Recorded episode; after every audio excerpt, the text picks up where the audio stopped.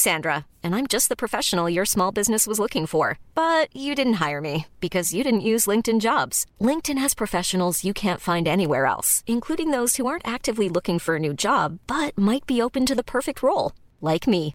In a given month, over 70% of LinkedIn users don't visit other leading job sites. So if you're not looking on LinkedIn, you'll miss out on great candidates like Sandra. Start hiring professionals like a professional. Post your free job on linkedin.com/people today. Hey Dave, Yeah, Randy. since we founded Bombus, we've always said our socks, underwear and t-shirts are super soft. Any new ideas? Maybe sublimely soft. Or disgustingly cozy? Wait, what? I got it. Bombus. Absurdly comfortable essentials for yourself And for those facing homelessness. because one purchased equals one donated. Wow, did we just write an ad? Yes. Bombas. Big comfort for everyone. Go to bombas.com slash ACAST and use code ACAST for 20% off your first purchase. There's never been a faster or easier way to start your weight loss journey than with PlushCare.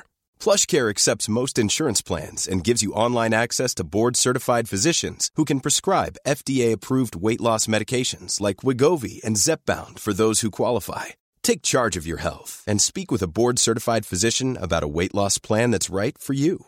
Get started today at plushcare.com slash weight loss. That's plushcare.com slash weight loss. plushcare.com slash weight loss. Bakom varje samtal av den här podden ligger flera timmars arbete och löpande kostnader. Podden kommer alltid att vara gratis för alla, men för den som vill finns möjligheten att donera pengar. Genom Patreon kan du på månadsbasis donera det du tycker att vi är värda.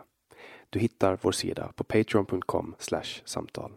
För dig som kan och vill så går det även bra att swisha en donation på nummer 070-3522 472. Länkar och information hittar du på vår hemsida eller i poddens beskrivning.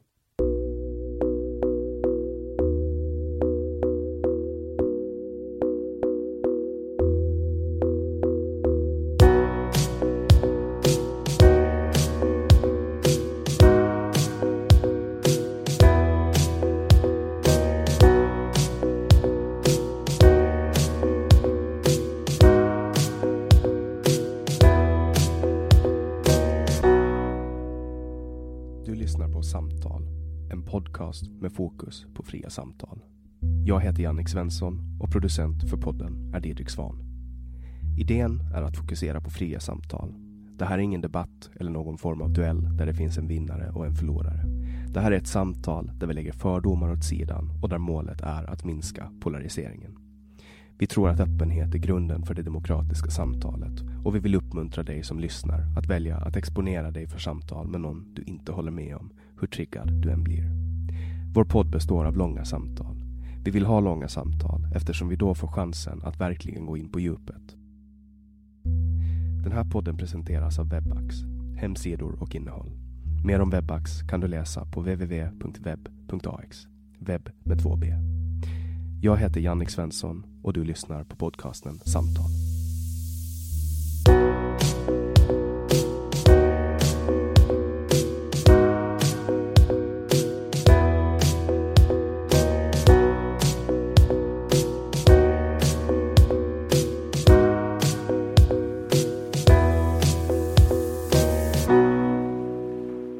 Jean Frick är chefredaktör på Nyheter Idag och grundare av Kärnkraftbolaget. Han är en kontroversiell figur i media-Sverige och har bland annat nekats tillträde till Publicistklubben. Tack för att jag fick komma hem till dig, Jean Frick. Ja, du är välkommen. Eh, och jag pratade med din fru eh, innan och hon sa att du är för lat för att åka in till Stockholm och träffa folk. Att det är därför man får komma hit. Det är också korrekt. Är du en lat person? Ja, Håller du med om att du är en kontroversiell figur? ja, för många människor inom svenskt medieetablissemang eh, kan jag nog uppleva som kontroversiellt för folk utanför Stockholms tullar, alltså resten 99,8 procent av Sverige så är jag nog inte alls speciellt kontroversiell. Inom fem minuter från att vi hade träffats så hade du dragit av ett eh. Såklart. Och, och det är, om jag förstår det rätt, någonting du får göra eftersom du har både judisk och romsk bakgrund. Ja, fast det får väl alla göra. Nej, Alltså, det får man inte. Inte i Sverige i alla fall. För mig får alla. Det är inte, jag skiter i, alltså. Det är bara skitnödighet ju. Du skiter i reglerna. Ja, men var- varför ska jag lyda någon annans regler? Ja, men då om, Björn, om Björn Söder skulle dra en sån här grej till exempel, dra ett senare skämt eller Ja, nej, det är klart. Alltså, men det funkar ju så här. De som i media blir upprörda, de är aldrig upprörda på riktigt. De som är, det, det är inte så att... Jag, jag tror att det är din sladd där. Om du, Men det funkar ju. De är- de har varit upp och ner de senaste dagarna. Jag har ju rest. Ja, men XLR-kablar, det köper du bara i affären. Det är Mm. några hundralappar. Fast du, du hade ju tankat de sista pengarna i bilen nu. Så det ja, så det. ja, jag tror faktiskt att om du har en annan XLR-kabel så får du igång. Nu är vi förhoppningsvis så har vi löst knastret som uppstod. Vi höll på att prata om eh, att du är olämplig för det politiska etablissemanget på grund av ditt språkbruk. Jag tror inte det är främst med språkbruk folk har problem med, men visst. Det är, det är en av de sakerna som slår mig, för jag, jag går ju in i det här helt... Vi har ju aldrig träffats förut, och, eh, jag har läst om det och så, men eh, jag går in helt ehm, med nya ögon, så att säga. Och just det. Och, men, men du har alltså, och det, var vi också inne, inne på, att man får prata om de minoriteterna, man, man, man får skämta om de minoriteterna man ingår i, till exempel. Ja, men det är en väldigt efterblivet sätt att tänka. Alltså det är så här. eh, Jag tror, det handlar väl lite om att när folk blir jätteupprörda för att någon säger något, men så får man ju inte prata, nej, nej, nej, nej, du vet, man får inte skoja om dem, de är ju förtryckta. De är ju inte upprörda på riktigt. De här liberalerna eller finliberalerna som vet gnälla att ja men så kan du inte säga, det går ju, det är ju antiziganistiskt eller det är ju, de skiter ju ett stort stycke i romer. De kan väl inte bry sig mindre om romer, det handlar inte om det. Det handlar om att de används som ett, liksom ett slagträ för att slå mot någon de inte gillar. Är du med? Ja. Och vad, vad, vad, är det, vad tror du, vad är det som gör att folk inte gillar dig då? Eller nu till, finns det ju folk som gillar dig. det det Ja, nej men det... Du, alltså- du får inte vara med i Publicistklubben till exempel. Nej, jag vet inte. Ja. Oj, vad hemskt. Eh, Det är som Åkesson och Nobelmiddagen. Ja, ungefär. Det, det värsta vore om de verkligen bjöd in honom. Det skulle ju skada honom snarare. Ehm, nej, men alltså. Det är ju en uppdelning. Alltså svensk offentlighet är ju väldigt polariserad. Mm. Så är det ju. Och då hamnar jag på ena sidan.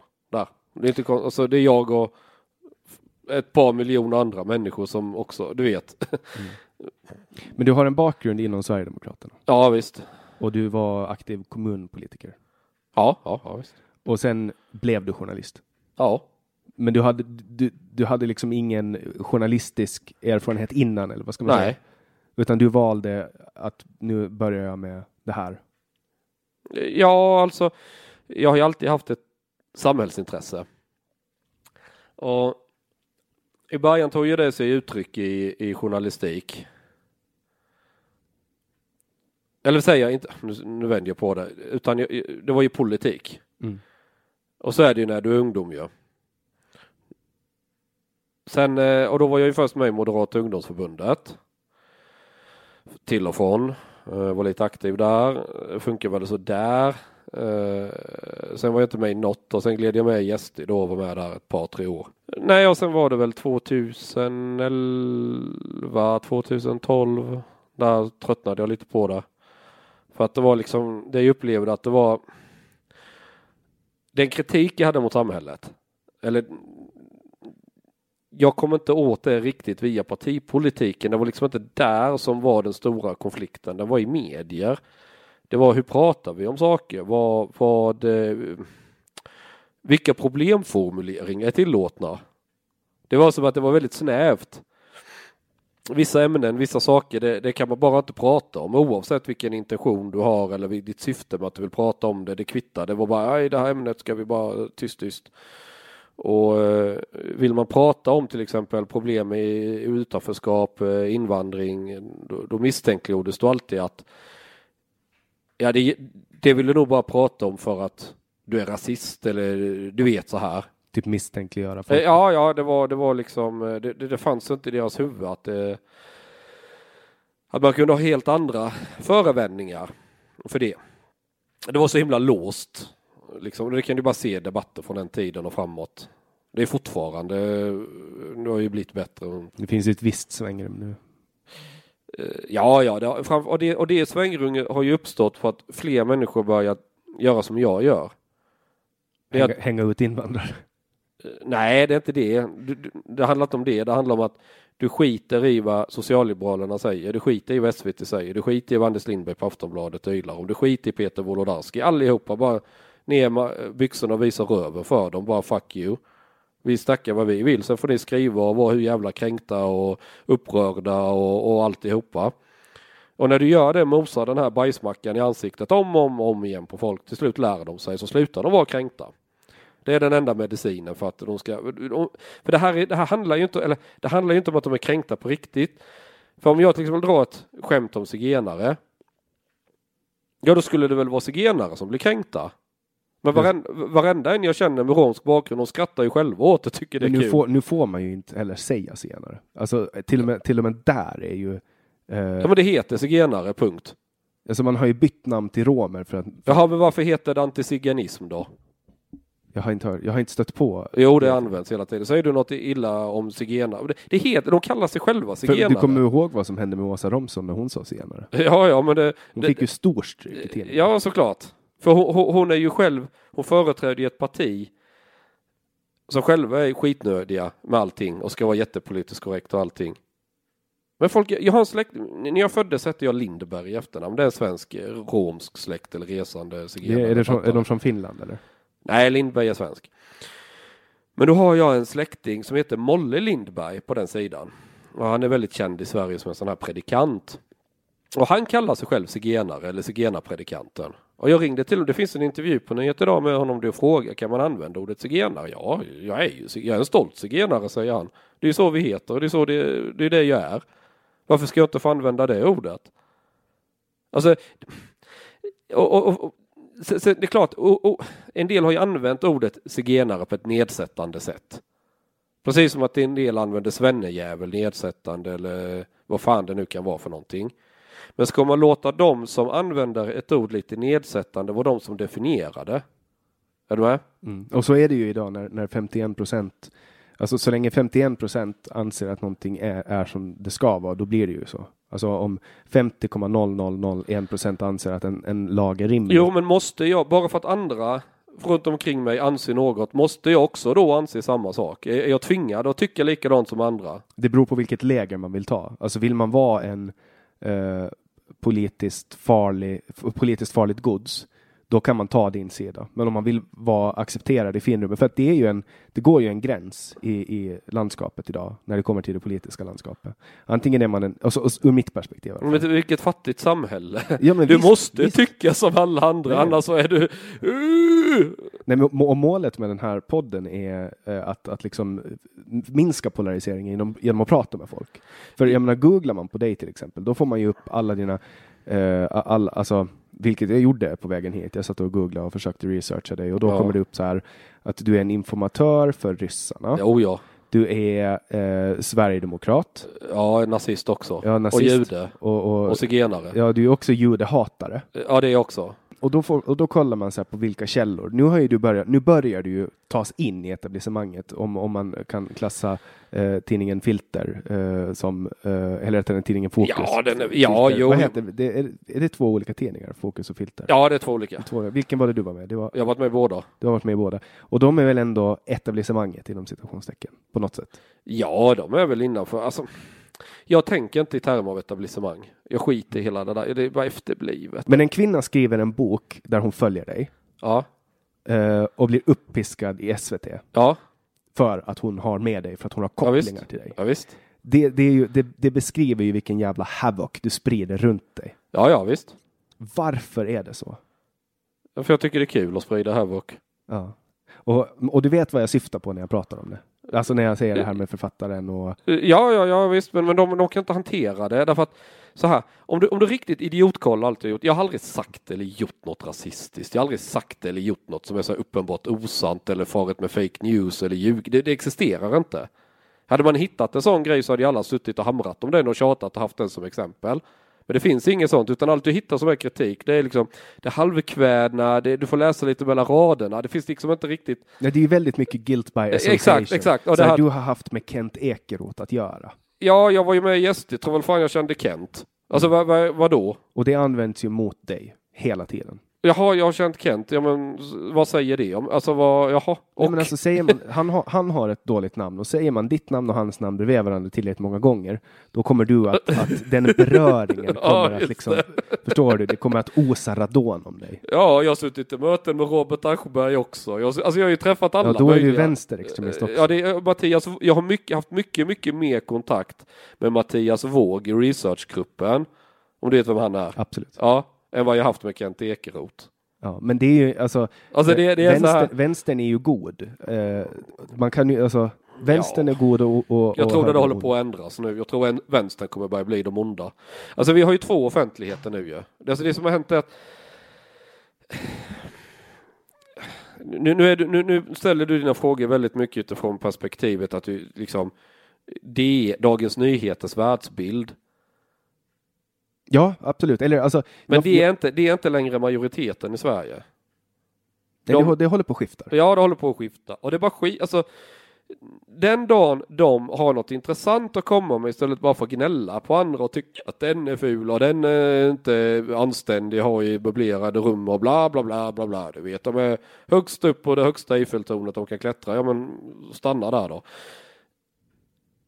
Men så länge, så länge de inte själva har något intressant att komma med som folk faktiskt vill ta del av så gör ju de sig själva mest irrelevanta. Mm. Och det är det som är liksom, jag skiter i det, så de får kalla mig vad de vill, kasta skit, kör hårt, ni får tillbaka. Det är liksom, så terrorbalans. För om vi tar nyheter idag, det, Ja. går, det går bra för nyheter idag. Ja, rätt. Finansiellt så, så funkar Ja, det vi har prenumeranter, vi har ju reklamintäkter och, och så, absolut. Och nyheter idag, eh, den uppfattningen jag får av nyheter idag är att man ska hålla sig undan från nyheter idag om man vill vara i de fina salarna. Förstår du vad jag menar? Ja, det gäller kanske vissa grupper. Nu delas vi rätt friskt faktiskt av även väldigt etablerade debattörer. Så att, När folk pratar om alternativmedier, ja, då nämns avpixlat och nyheter idag till exempel. Ja, Man, man, man gör då, man Ja. gör den namedroppen. För alla vet att avpixlat är jättehemskt. jättehemska och knutna till SD och de är rasister och nazister och fan och hans mormor. Ja, Och då säger man avpixlat och nyheter idag. Man, man kli, kn, Ja, klumpar ja, ihop visst. dem. Och är det rättvist? Vad tycker du att det är? Påminner ni om avpixlat? det får du själv avgöra. Jag ska, så det, Ja, och, och jag, var, jag var inne och kollade eh, snabbt bakom betalväggen. Eh, för jag Ja. fick tillgång eh, av dig. ja, Och-. Och Du då, är mutad nu, du är inte opartisk ja, nu är jag mutad. Ja, vad, är det, vad är det värt då, en, en, en eh, prenumeration? Ja, det är 698 spänn för ett helår. Så nu, nu, nu, nu vet alla som lyssnar på det här att jag är, är mutad. Men Ni kan betala med både kort och faktura, det är bara att signa upp sig. Ni har så här 14 dagar för en krona att prova på. Kom och köp. Okej, kör. ja, ja, nej, men, Smygreklam här. Ja men då kör jag också så här på uh, www.patreon.com samtal så kan ni gå in och Ni kan kan ni swisha. Nej, men det- Vi kan ha en tävling vem som kan få mest pengar. Ja. Om ni swishar mig på 070 Ja, precis. 3522 472 eller Jean-Klick på Ja. nummer. Nej, skit i det, skit i det. Skit jag, jag håller inte på med Swish. Nej, jag har förstått att du inte gör det. Men i vilket fall som helst, när jag gick in och kollade på nyheter idag, eh, då ser jag att de, de artiklar som det går bäst Ja, för, de ha, har med migrationspolitik att göra. Ja, Det har med utlänningar som har begått brott mot svenskar eller andra utlänningar i Sverige. ja, Eh, och det har i allmänhet ehm, ingår i den sfär som, av, av diskussion som Sverigedemokraterna har velat prata om väldigt länge. ja. Vad beror det på? Det beror på att det har funnits i mediesverige så har det funnits, det har varit en vit fläck väldigt mycket. Och det har samtidigt varit något som berör väldigt många människor, otrygghet, eh, grova brott, grov brottslighet har ökat. De här sprängningarna vi har nu, nästan var varannan dag höll jag på att säga. Till och med på Östermalm så fann nästan hela kåken och var väl halvt på väg att rasa. Det har ju varit sådana extrema eh, liksom, skjutningar. Vi har inte haft så mycket mord, eh, alltså ihjälskjutningar och grejer. Alltså, nu senast igår var det en artikel, vi skrev den först. Tre dagar senare eller något tog Aftonbladet upp den. Då hade de ju, skulle de råna en person på pengar. Det var någon som kissade i munnen. Ja precis, Såna, sånt här hörde du inte talas om för tio år sedan. Någonting håller ju på Men det läste jag igår i Expressen, eller Aftonbladet. Ja, vi var ju först på den ja, och sen kommer de tre dagar senare. Så de har tagit den av er? Ja, men sen, det kom ju från tingsrätten ju. Så det- jag det trodde gör- att det var en rewrite, att ni hade gjort en rewrite från Aftonbladet. Nej, det är de som har rewritat oss. Okej. Eh, skriver de med att det, att det Nej, inte på en sån här grej, för vi är ju inte, det är inte vi som är källan. Det är ju eh, förundersökning och, och liksom, det, vi har ju hämtat allt från tingsrätten ju, så de kan ju bara gå rakt, men de har ju säkert sett det genom oss. Det skulle jag gissa. Jag vet ju att folk är inne på Aftonbladet och pluskonto också hos oss. Mm. För jag blev ju jätteförvånad, eh, nu avbröt jag det mitt i en Jaha. tes, förlåt, men eh, jag blev jätteförvånad för någon vecka sedan när jag satt, vi kom in på någon nyhet och så, så refererar Sveriges Television eller SVT till att som nyheter idag har avslöjat. Ja, Och det blev jag förvånad över. men det har, det har varit så ett ganska bra tag nu. Jag tror Ja. den här bilden av oss, det var ju när vi startade då tänkte ju alla direkt, jaha, nu är det en till avpixlat, alltså inom etablerad media och så. Mm. Och sen har man bara liksom, sitter det bara i bakhuvudet. Och så vänstern då, de kör ju på det maximalt för de tycker inte, eller när jag säger vänster så ska jag vara lite rättvis. Det finns en stor del av vänstern som faktiskt gillar oss. Många som prenumererar och, och stödjer oss på alla sätt och vis, som är vänster. Men det finns en del av vänstern, den här som har blivit, gått in på identitetspolitik, som eh, jag brukar kalla dem liksom vänsterliberaler, eller om du förstår vad jag menar. Ja, typ. Ja, Det börjar ju alltså liberaler. PK-vänster eller vad man nu vill kalla det. De har ju varit eh, politism, fanns det något som hette innan, men som, Och det var en vänster. eh, ja det var ju någon det var väl någon hemorrojd i röven på Aftonbladets ledarredaktion eller hur man ska förklara det. det den är ju nedlagd nu. Men de hade en vänster. Eh, Ja, alltså. ja de vänster- skulle, någon vänster woke, eh, jag vet inte, något jävla trams. Men de körde ju mycket det här att oh, vi är jättehemska, du är ett hot mot demokrati, oanständigt, det kan man ju inte läsa och bara bli intervjuad, det var så jättehemskt och bla bla bla. Men de är ju bara så här gnällspik och folk sket i dem och det gick åt helvete för projektet. De hade inget eget kul att komma med. Det håller ju ett tag att hålla på sådär men det, det funkar ju inte i slutändan. Till slut blir man ju själv tönten. Det är lite så det är. Vi är ju aldrig töntar, vi är ju alltid lite punk och drar ner brallorna på folk och du vet, ska alltid göra lite grejer som väcker debatt och avslöja grejer. Iraks försvarsminister är ju lysande exempel. Ja, det, det var det. det. Där kom det. Jag blev förvånad för att det var ni som gjorde det avslöjandet. Att alla, att de också akkrediterar. För Det, är jo. ju, det är ju ingenting nytt att man, att etablerad media tar saker från alternativ media. Nej, Eh, nej. Men att akkreditera dem, det Kan var... Ja, men, nej, men det, det har det har hänt flera gånger tidigare också, både i Aftonbladet, Expressen eh, och eh, jag tror, hade det varit eh, Ja, där är också en skillnad för att etablerade medier länkar ändå till oss och har inga problem att använda oss som källa och sådär. Eh, det skulle man nog inte göra med Samhällsnytt eller med Fria Tider, det tror jag inte. Så att där upplever jag inte att det, vi, är- alltså från början så hade de ju den här bilden att, att vi antagligen var som samhällsnytt, men sen har ju de flesta journalister upptäckt att nej, vi är ju inte som de gör. Och vi är väldigt noga med research, vi är väldigt noga så här, för jag vet ju att skulle vi dra ut någon så här påstående som Iraks försvarsminister så visar sig att vi har fel.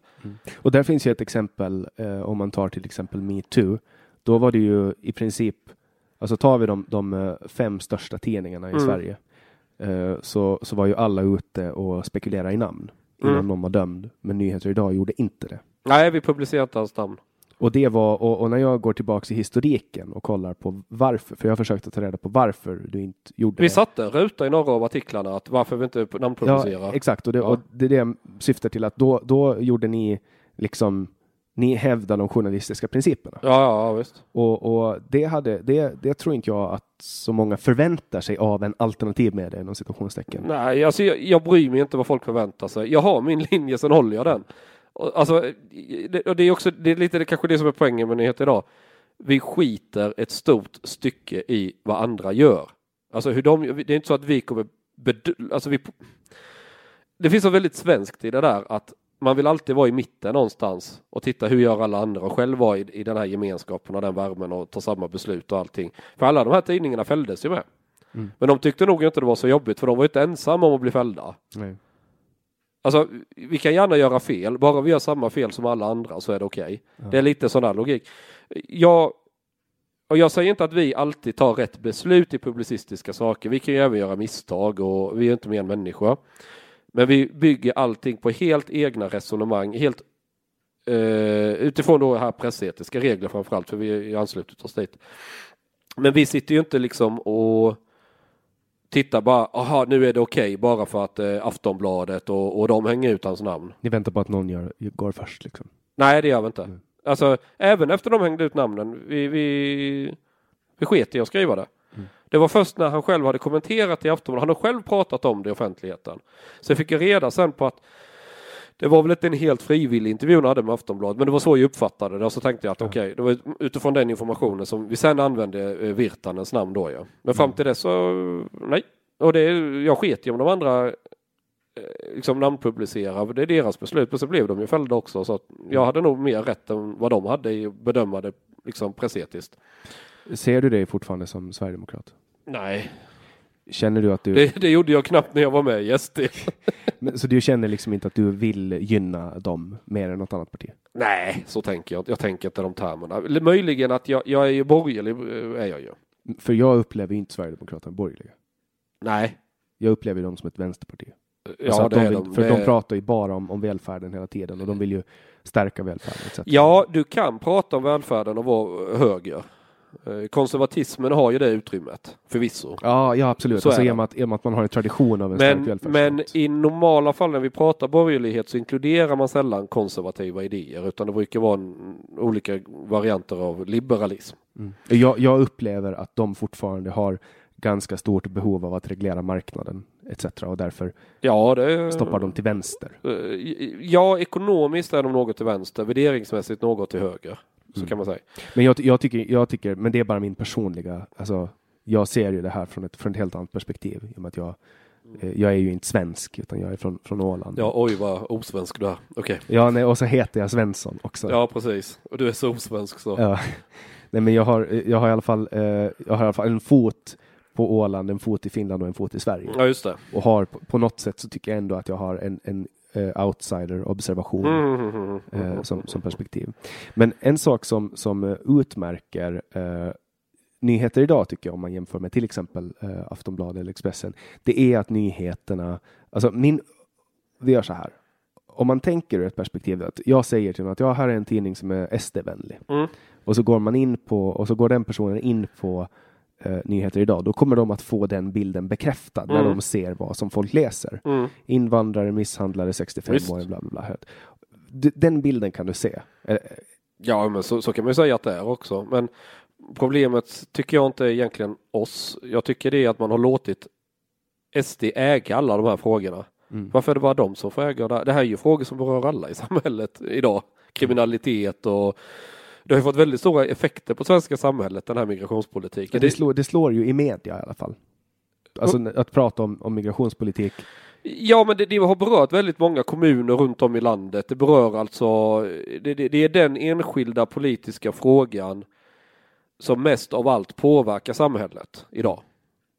Så, så är det, det kommer man inte ifrån. Varför har man låtit SD äga hela det? Ja, det, det, alltså, jag, skulle säga, det är väl, alltså, jag skiter ju vad SD tycker, jag tittar ju på samhället.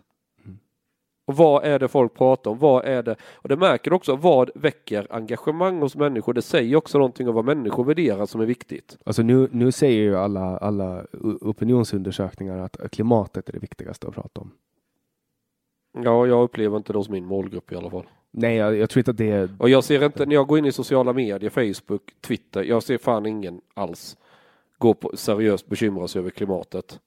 För det är ju också det som är eh, typ 20-talets viktiga frå- viktigaste fråga, säger man. Klimatet liksom. Jag, jag, ser inte det hos människor. Alltså, du kanske får det svaret i en opinionsmätning, men jag ser inte diskussionerna i sociala medier. Eh, Det, det som är de hetskaste diskussionerna i den här frågan, det är de som inte alls tror att det är så himla farligt med klimatet. Mm. Så jag kan liksom inte, är folk verkligen bekymrade över klimatet på riktigt? Eller är det en markör att visa att jag är lite medelklass, jag, jag, jag har råd och, och, och har klimatångest och Typ sådär. ett, typ ett avlatsbrev. Ja, lite så. Och jag landar ju mer i det att de här människorna som verkligen är oroliga. För det är en sak vad folk säger, det är en annan sak vad människor gör. Och tittar man på många av de här opinionsbildarna som pratar väldigt mycket om klimat. Lik förbannat har de flyget i Thailand eller åker på någon dyr semester eller har någon dyr bil. du vet. Ja, ja, not in my backyard. Exakt. Det är helt tvärtom när det kommer till invandringsfrågan. De som vill ha väldigt öppna gränser, de bor ju nästan i totalt etniskt vita svenska områden. Journalister, opinionsbildare, mediepersonligheter och allt vad det är för någonting. Ja, de brygger, de brygger kombucha på sina balkonger. På Eh, sina- Ja, men, men det är lite så. Och så man skiter i vad de säger utan tittar på vad de gör. Så migrationen, det, någon, det finns ju någon anledning att du inte hittar några journalister i Rinkeby eller mediepersonligheter i de här områdena där, där du vet vilka områden jag menar. Mm. Så skitsamma vad de säger, att de tycker det är jättebra med invandring och mångkultur och allt det här. Men titta på hur de lever sina liv. Där får du ett mycket starkare svar på var de egentligen står någonstans. Men vad tror du? Och det är samma med, med, med klimatet.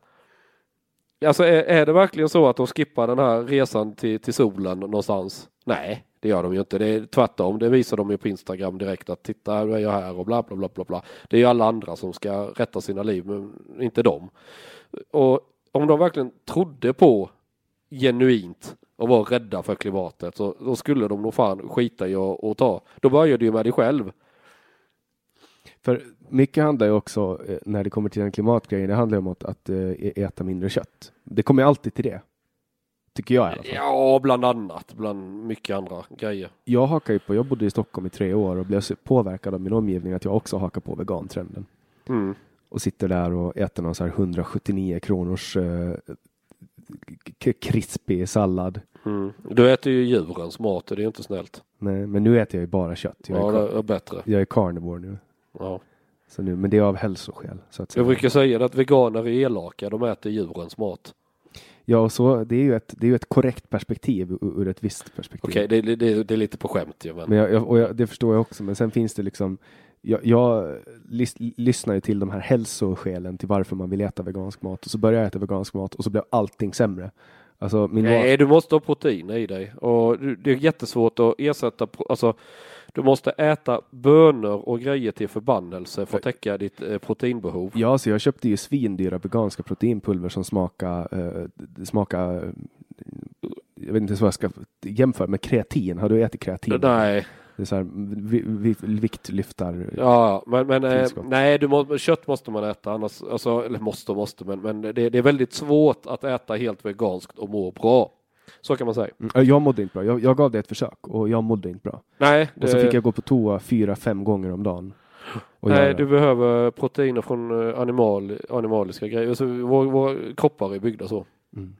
Så är det. Men, men där är, där är det jag vet, mycket forskning som, som är motstridig. Men, men kollar man på, kollar man på eh, alltså jag kommer tillbaka till det här etablissemanget. Jag vill dela in, jag vill förenkla världen till etablissemanget och inte etablissemanget. Och det vill jag sätta i icke-etablissemanget. Och Fast mig, vi, vi, vi är ju ett eget etablissemang idag kan man säga. nyheter idag. Ja, nyheter idag. Ta olika aktörer. Henrik Jönsson, Navid Modiri. Tidskriften Kvartal i någon mening. Eh, Tino Sanandaji som var jättestort. eh, Joakim Lamotte. Alltså det är en väldigt brokig bred skara. Finns det någon på vänstersidan där också? Skulle typ inkludera eh, He- Henko eh, från Interrasismen och, och han... Nu vill jag inte vara elak mot honom här men det, det han gör uppnår kanske inte den där jätt, alltså någon jättestor verkshöjd. Jag tycker han, han gillar att gå in och gräla med folk och bråka. Och, och han, Finns det någon på vänsterkant? Malcolm Schione till exempel? Eh, Ja, Säg- nu är det inte så många som kanske ser honom som så vänster längre men, men, eh, Men det är för att han bara hänger med höger snubbar. Ja, det har ju blivit så att jag har pratat med många på vänsterkanten och de upplever väl att det är väldigt lågt i tak till vänster. Att man kan alltså det är så defensiv, dålig stämning och det bara gräl. Alltså vänstern är bra på att dela upp sig i småpartiklar. Bokstavsvänstern och allt vad det är. Det är också väldigt svårt för mig att få med folk från vänstern. För jag frågar lika många människor från vänstern om de vill vara med i min podd som folk från högern. Mm. Och jag klassar dig till höger. Mm. Om jag får. Ja, ja, men jag, höger är jag. Det är så är det. Och det är mycket svårare att få med folk från vänstern. Ja, För att du, nu, nu, nu googlar inte ens du min podd. Du kollar liksom inte ens in det. Du bara, ja men kör på liksom. ja. Eh, och, och, och sen också om jag kollar med någon från, från vänstern, då är de så här, de ska göra en så här check. Kolla att jag har liksom en clean record. Och, Ja, men de, det, det är en religion. De är skitnervösa. De, det är så. Det, och, och det gör ju att jag på något sätt eh, kanske får lite positionen som höger, vilket jag också är. Alltså Mm. jag är höger. eh, Jo men allting dras åt det hållet att vänstern, de har ju fått, det tycker jag är fantastiskt från vänsterhåll. Här, våga vägra ta debatten, prata inte med de spetälska och är de inte lite riktigt fina i kanten så akta, för man är rädd att få kritik själv. Och den här internkulturen de har skapat, de förgör ju sig själva.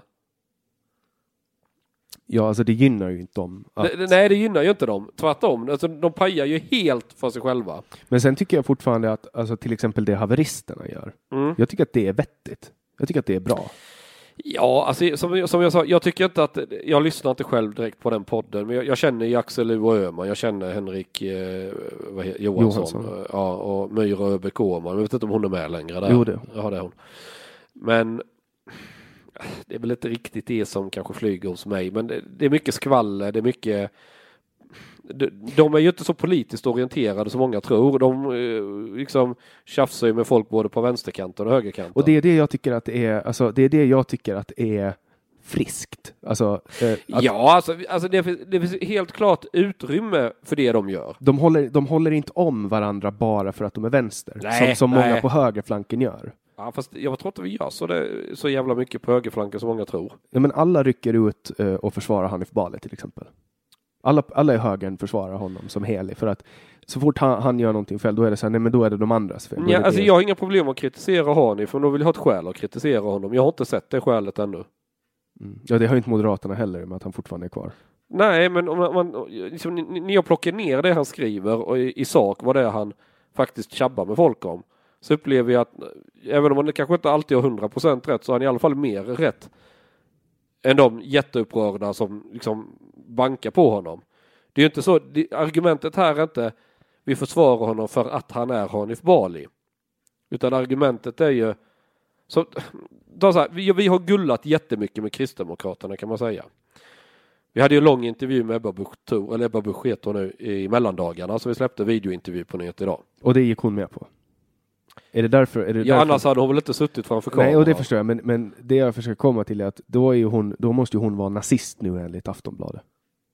Nej, de skiter i det. Aftonbl- Aftonbladet har inte sådana problem med nyheter idag. Kanske Ja, någon ett- enskild ett- medarbetare Dagens Nyheter. där. Dagens Nyheter. Ja, DN har ju det ju. Ska, ska, jag ska Men, berätta men, men, men min, min, min poäng är att trots det partiet jag kanske står närmast just nu, det är nog KD, skulle jag säga. Om, om man ska prata i sådana termer. Mm. Men det har ju inte hindrat mig ett skit från att hålla på och jävlas maximalt med dem om plastpåseskatten. Nej. Och bara trycka det i ansiktet på dem. Så att det handlar liksom inte om att bara försvara Hanif Bali eller försvara Kristdemokraterna eller Moderaterna eller SD för den delen. Jag har varit på SD också nyligen på Twitter och så här. Det, det höll väl kanske inte riktigt att göra artiklar av eller det har varit lite uttjatat i media. Då brukar vi inte själva göra artiklar om det. Men det betyder inte att jag inte kritiserar dem och så här när jag tycker något är fel. Men det är sakfrågan som är det, det intressanta. Och det är klart, om Hanif trampar snett i en fråga, då har jag inga problem att tjabba mot honom. Men då måste jag, från mitt sätt att se saker, vara ett snedtramp. Eh, när, ni, när, när ni ska släppa en nyhet, Mm. funderar ni då på den potential det kommer att göra i att ni vet att det här kommer att flyga skitbra? Det här kommer att bli jättemycket diskussion, jättemycket delningar. Ja, det är klart man resonerar så. Oavsett hur många klick eller prenumeranter vi får in så är vi väldigt, väldigt noga att det måste vara korrekt och sak och vi kan stå för det och visa att det stämmer. För, äv- för skulle vi tumma på det där, ja, då kanske vi tjänar lite på det här och nu.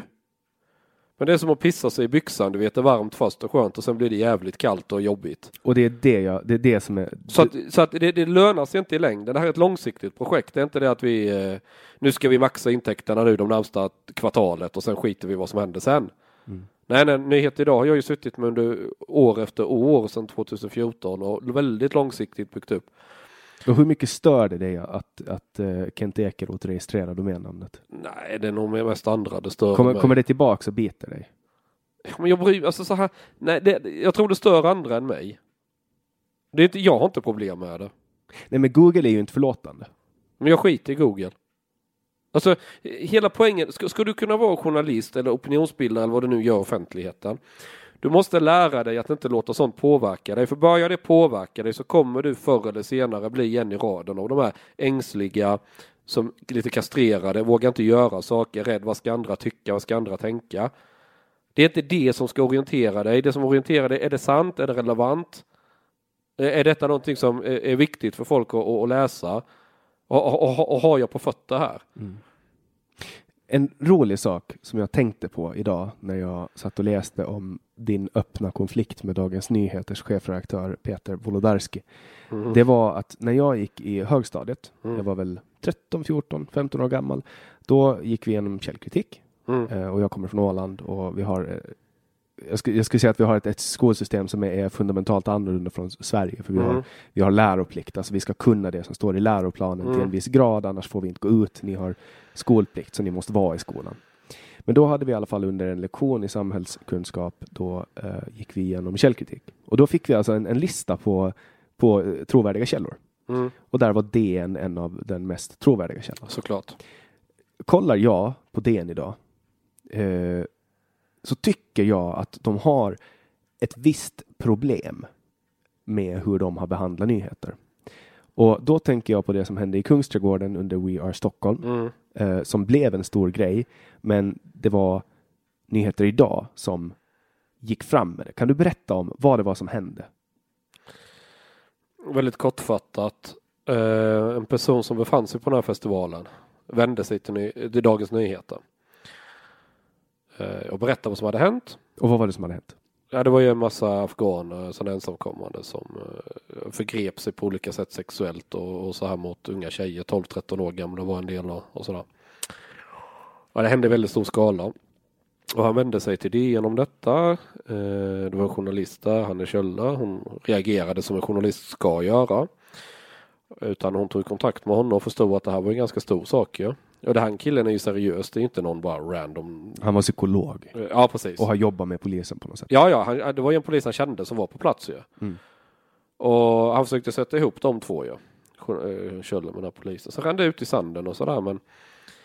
Och i efterhand så har Hanne Kjöller då sagt att hennes chef gick inte riktigt igång på det. Det var något annat som var viktigare. Vad nu det var, det kommer inte Hanne Kjöller ihåg. Eh, men man kan väl säga så här att det var ingen story man ville köra då. Samtidigt hade ju DN en stor kampanj. Eh, så här. Eh, jag delar heter den och det handlar om att vi står upp mot näthat och mot rasism och för de goda värderingarna eller vet, någon sån här Och direkt där så hör man ju att det finns en konfliktlinje. För så fort du sa ett gäng afghaner då, då ryckte jag till. Jaha, varför det? Nej men det, alltså. Det, det, jag har ju ändå liksom blivit upplärd i etablissemanget. Så att när man, när man pekar ut någon på det sättet, då har jag, jag har fått lära mig att, att, man, att man ska bli rädd då. Förstår ja, du vad jag menar? Ja, ja, men de var ju afghaner. Alltså, vad ska jag säga? Ska jag kalla dem något annat? Eskimoer? Alltså, ja. det, var, det är ju en grupp och vad, vad är den gemensamma nämnaren det för finns, den här gruppen? Det finns ju de som säger att man, att man inte ska peka ut etnicitet utan kön. Det är bättre att säga att det är män till exempel. Det var inte random män i Stockholm som gjorde detta. Det var ju, den gemensamma nämnaren är att de, just att de är företrädelsevis från Afghan och eh, framförallt de är ensamkommande som kom de här åren. För det är ju en, ja, de påstås ju vara minderåriga men de flesta var väl över 18. Eh, liksom, det räcker ju att titta på dem så ser man att de inte är några 16-åringar. Men det här var alltså sommaren efter flyktingkrisen? 2015? Mm, ja, det var väl under då det hade börjat dra igång mer och mer. Uh, alltså flyktingkris, alltså, jag ogillar det där begreppet för att Fast det, var ju, det blev ju en kris av att det var massa människor som Ja, det pikade 2015, men ja. de här afghanerna hade ju kommit, det hade ju kommit redan 2010, 2011, 12, 13. Det hade ju bara fyllts på och fyllts på, ja. Mm. Men hon tog i alla fall kontakt med Dagens Nyheter som inte gick ja, igång. Han, ja. som inte gick ja, igång. nej, sen ett halvår senare, nej, det rann ut sanden med DN så blev det inget med det. Sen ett halvår senare i Köln i Tyskland så hände ju ungefär samma sak kan man säga. Det var migranter. Och det stod inget i media första dagen, andra dagen, tredje dagen. Det gick i tid. Det började spridas liksom motsvarande alternativa medier i Tyskland. De här sakerna. Och sen blev det hus i helvete. Varför? Och polisen hade inte agerat i tid. Det var känsligt. Folk vågade inte. Hur ska de göra med detta? Och eh, det blev en jättedebatt där. Och det spred sig i världsmedia att, eh, jaha, eh, far tjejer illa nu mitt på dagen eller på eh, nyårsafton och kan inte ut och fira. På grund, och, och sen kan man inte samhället hantera det här på grund av politisk korrekthet och ängslighet. Det blev en väldigt känslig debatt i Tyskland. Och då tyckte DN, aha, nu när de pratar om det där nere, då kanske vi kan gå tillbaka och titta på vad som hände i Kungsträdgården. Och då vände de, då, så är det fem månader senare eller vad det är, sex månader. Och då kommer ändå den här nyhetschefen ihåg. Ja, det var Hanne Kjöller som vände sig, den här journalisten i alla fall. Jag vet inte om det var i samtal med nyhetschef eller om det var hennes eget initiativ. Jag, jag låter det vara osagt. Men då hörde man av sig till psykologen igen om detta. Att nu kanske det passar. Och då blev han jättearg. Jag har, för liksom, jag har nu funkar det bara för att det har hänt i Tyskland. Så hade, inte, hade det tystats ner eller inte hänt i Köln så skulle ni heller aldrig vilja ta det som hände i, i Kungsträdgården. Du vet, det blir så, han blir jättearg över det här. Och det här ska vara en tidning som du vet, granskar makten. Och, eh, man, tänk, man har ju föreställning om att tidningars jobb är ju att visa på missförhållanden i samhället. Ja. Men här blir det snarare tvärtom. De, de liksom söker sopa under mattan snarare. Och som motsatsen till vad man tänker, då blir folk arga. Och då vänder han sig till mig med allt detta. Och jag drar i alla trådar och skriver om den här storyn och publicerar. Och då blev storyn att DN mörkade snarare än att det här hände? Ja, ja visst. visst. Och då, så det kom två nyheter igen? Att det här har hänt i Kungsträdgården ja. och DN har mörkade? Ja. Och det var då din strid med, med Wolodarski inleddes? Ja, vi var väl inte bästa kompisar innan heller. Men... Hade han gjort någon offentlig attack på dig innan? Nej, alltså Wolodarski gör sällan själv offentliga attacker. Han, har ju de anställda på DN till att göra det. Sen ibland kan han twittra något eller skriva någonting också förstås. Men, ja. men det, är, det är Wolodarski som jag uppfattar det genom vad jag har hört av folk och den bilden jag fått av allting. Att det är han som någonstans sätter kulturen där. Han är ju också chefredaktör ju. Ja. ja, och då är man ju, alltså då är man ju också ansvarig utgivare. Då är man ja, också... Ja, det, det, det, behöver inte vara samma roll, chefredaktör, ansvarig utgivare. Nej, men man är ansvarig, man, är, man, man, är liksom, man styr ju Men han är båda, han är mm. båda, vad jag vet. Ja.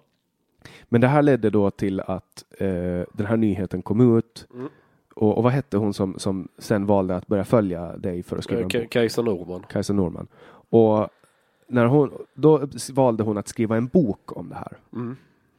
Och jag såg en intervju på SVT. Mm. Nu får du hjälpa mig med namnet för jag kommer fortfarande... Jag kommer, Fichtelius. Fichtelius, exakt. Jag har läst hans, eh, i början på min journalistkarriär så läste jag hans, hans bok. Ja, man ska vara konsekvensneutral och sådär. Exakt, alltså hur man ska göra. Han, han, och så såg jag den här intervjun där han eh, intervjuar Kajsa Norman och på något sätt så vrids det från att hon har skrivit en bok om dig och det här avslöjandet mm. och den här psykologen också till att hon på något sätt har ha varit delaktig i att eh, sprida en dålig bild av invandrare. Mm.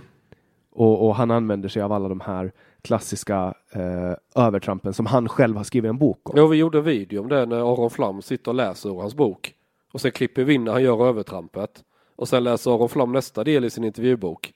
Och det, det där är liksom för mig som, som ändå har haft någon form av Alltså jag har ändå sett upp till honom, förstår du vad jag ja, menar? Jag förstår, ja. Alltså jag har ju läst hans litteratur, jag har lärt mig av, av honom. Ja, uh, och sen får jag se honom sitta i Sveriges Television och göra på det där sättet. Ja, eh, eh, SVT backade ju senare från det där inslaget. Ja, ja men det var Beriktigande väl... eller så här att bla bla bla. Jag kommer inte ihåg exakt vad de sa. Men... Och det var, ja, de gjorde det, men, men när SVT rättar en sån här grej, alltså man har ju, skadan är ju fortfarande... För att det jag upplevde att de gjorde de, då... De skadar sig själva, gör de ju. Jo, men det jag upplevde att de gjorde där, det var ju att de sköt ju eh, budbäraren. Hon har ju bara skrivit en bok om det här fenomenet. Ja. Och, och då... Det, det, men det är så det funkar. Det var det jag syftade till med att, att du drar havoc runt dig. Och sådana exempel finns det hur mycket som helst med mig i olika sammanhang. Hur mycket som helst. Ja, och berätta om när du var en rysk spion då. ja, eh, det var ju när jag anställde Pelle Zackrisson så jobbade han på hela Hälsingland. Uh, och där var ju Patrik Oxan en ledarskribent. Och jag vet att Pelle har stört sig lite på en del grejer med Oxanen sådär. För Oxanen liksom lite, ska vara väldigt centerpartistiskt och ibland tenderar han lite att eh, närma sig det här foliehattandet om jag säger så med sina liksom, olika teorier om saker. Ja visst för all del, jag har inga problem med foliehattare. De är oftast väldigt underhållande att läsa och det kittlar ju liksom fantasin och så här men Men det är underhållning? Ja, lite mer. Extremexemplet är väl, eh, vad heter han i USA? Uh, Med den här jävla eh, Infowars, eh, Alex Jones. Ja, Det är ju extrem, eh, han är ju jätteunderhållande, han är jättekul. han är ju rolig. Ja, alltså ja, att, men man ska ju inte ta hans ord på allvar. Nej Han men det, det gör ju inte folk heller. Alltså, det finns de som gör det. Jo, jo, men de kommer alltid hitta något idioti som de... Alltså, och här kommer vi igen till media, det är att man måste ha lite förtroende för läsarna också. Ja, absolut. Man ska, inte, man ska inte utgå från att de är dumma i huvudet. Eh, nej, precis. Och är de dumma i huvudet är deras problem. Det betyder inte att världen går under. Men, men det fattar en del medier inte. "Eh, men Det där är ju fake news. Nej, det är på skämt. Ja, men sånt kan man inte skämta om. Jo, det kan man. Det är bara du som har- saknar humor. Alltså, du vet. Eh, var var vi någonstans? Jo, Oksanen. Och när Pelle började hos oss så fick han bara någon idé. Bara kolla, vad gör Oksanen om dagarna så här? Du vet, det kan han inte gärna undersöka när han jobbar på samma redaktion. Men nu var han så här, shit, när jag är på en ny ställe, nyheter idag, här kan jag göra lite, du vet. Här finns inte de här begränsningarna eller han får inte sparken om han börjar granska sin före detta kollega eller någonting sånt. Bara kör. Så han började mejla runt lite, eller han började så här, ah, jag testar bara på chansning med UD. Finns det några mejl mellan honom? Så frågade han senaste halvåret eller året eller vad det var. Och då har ni en sån offentlighetsprincip i Sverige? Ja, ja, ja, då får man ut det då. Jo, det fanns en mejlkonversation och så fick han ut den. Så tittade jag på den, då var det UD som hade mejlat honom och hade förslag på eh, några från Krim eller vad det var som man kunde intervjua. Så tittade jag på det, är detta någonting eller är det bara liksom Så funderade jag lite men hmm. Om ryska Om ryska UD skulle mejla mig med några aktivister som de tycker är intressanta på Krim och vill att jag intervjuar dem och gör det i nyheter idag. Är du med? Ja. Hur skulle det se ut? Det skulle, ju, det skulle ju se ut som att du hade någonting att göra med ryska staten. Ja, Och att du hade någonting fuffens på gång. ja. Om Oksanen gör det på uppdrag av, eller inte uppdrag, men du vet, nudge nudge. I sin tjänst. S- Svenska UD mejlar honom och här är intervjupersonerna, vi arrangerar allting, åk dit kan du prata med och så kan du göra en artikel om det här. Då är det ju typ staten som har... Ja, lite så. Är det någon skillnad här eller tänker jag fel? Du vet, jag, jag, jag förstår du, men jag vet inte riktigt var jag landar med detta. Så jag vänder mig till olika personer. En var eh, magasinet Filters chefredaktör. Eh, en annan, jag kommer inte ihåg alla, Ola Sandstig. Och, I alla fall det var ett antal personer. Det var nog fem, sex olika. Och fråga, är det här vanligt att, att man försöker liksom, du vet, föreslå en nyhet och så här eller? Så då var det alltså de myndigheterna som mejlade honom. Ja, UD hade mejlat honom. Och det var inte så att han hade fråga om hjälp? Nej, nej, Okej, nej, det var på deras initiativ. Och då hade de valt en journalist, de handplockade Eh, Ja, precis. Ungefär så kan man säga. Och så intervjun blev jag med ju. Och den publicerades. Och det stod ingenstans. Nej, det står inte att det var UDs initiativ eller så här. Och då blev det en intressant principdiskussion. Jag visste inte, detta kanske är vanligt, det kanske inte är något konstigt. Jag, jag, Eh, Alltså jag vet ju inte, jag, har inte, jag, har inte den, jag har inte varit i de etablerade, du vet, de stora mediehusen och jag vet inte hur det här funkar. Och jag skickar ju runt det här till lite olika och bara ställer frågan både på vänster och högerkant, liksom ganska bred och ser vad svarar folk. Jag får lite mixade svar och ja. Och en av dem var Hanif Bali, jag tänkte han kanske vet. Han är ju sån där människa som är lite överallt och känner folk, ja men du vet. Mm. Och då är han på eget bevåg twittrar ut det här. Och skriver någon sån här putslustig kommentar.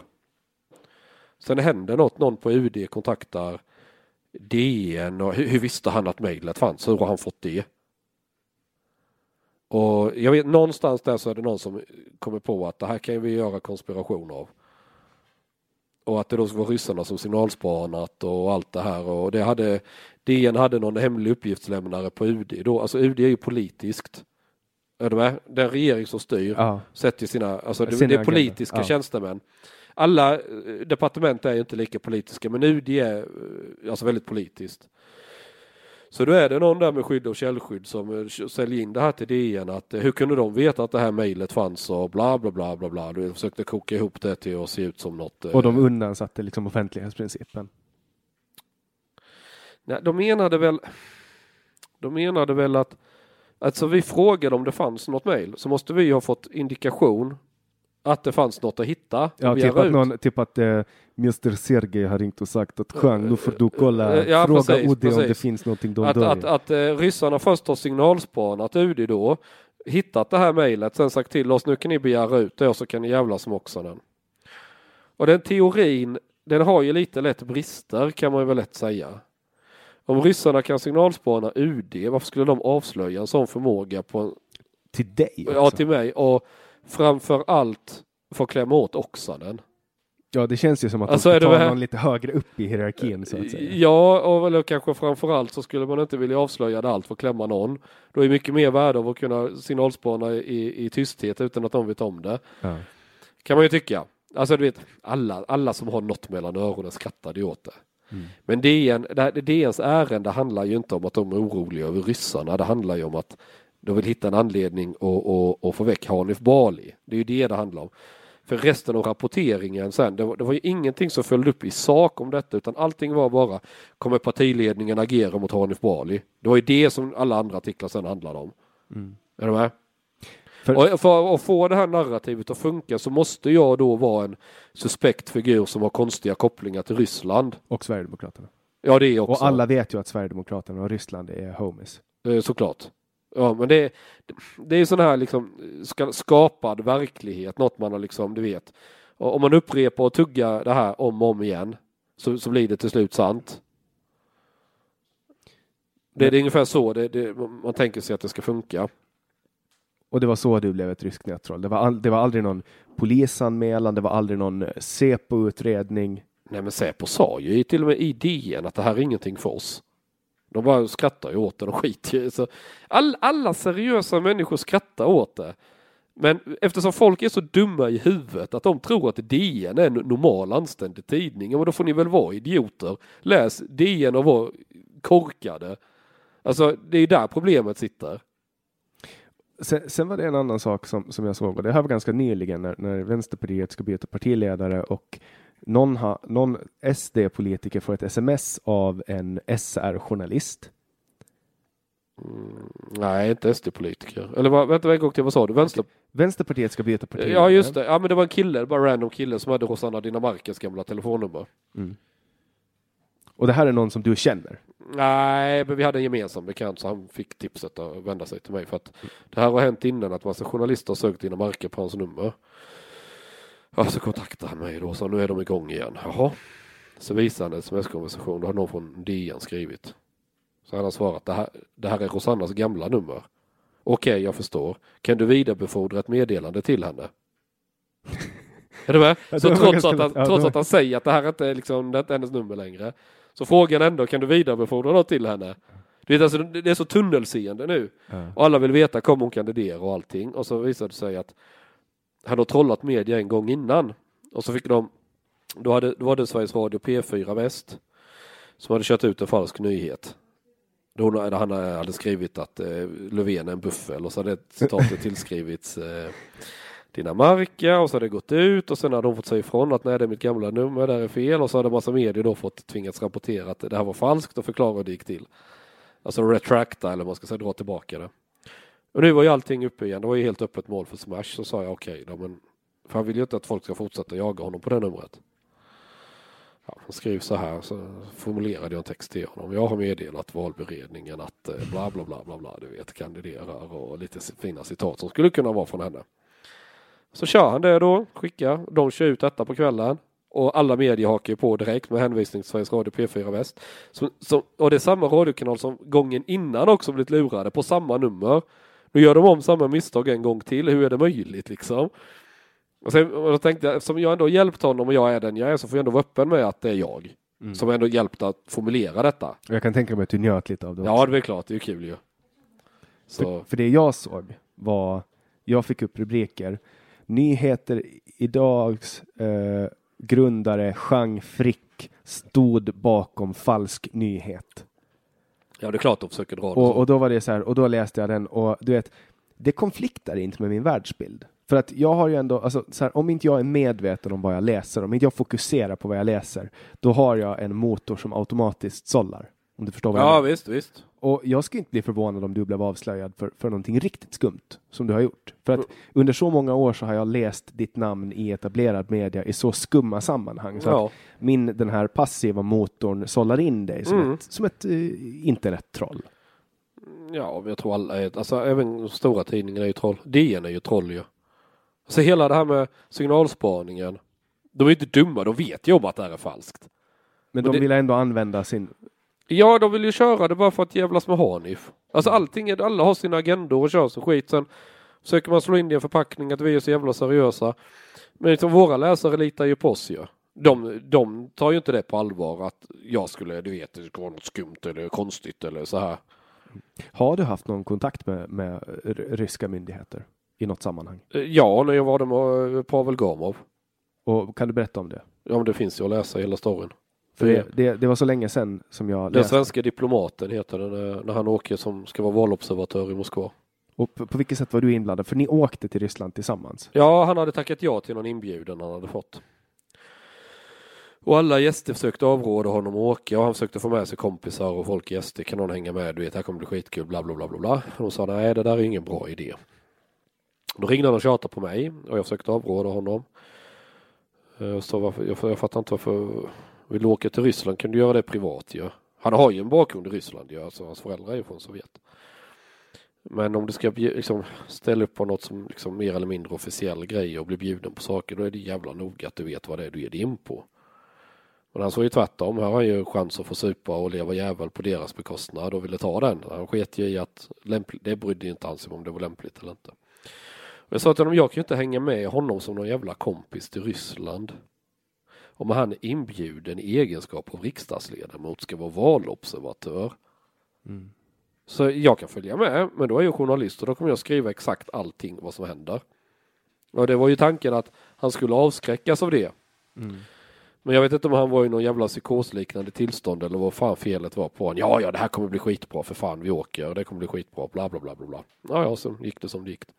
För där finns det ju ändå någonting påtagligt som har skett som har gjort att, att Sverigedemokraterna kan kopplas till ryska. Ja, det blev en väldigt konstig koppling. Pavel blev ju utskickad ur partiet direkt när han kom tillbaka ju.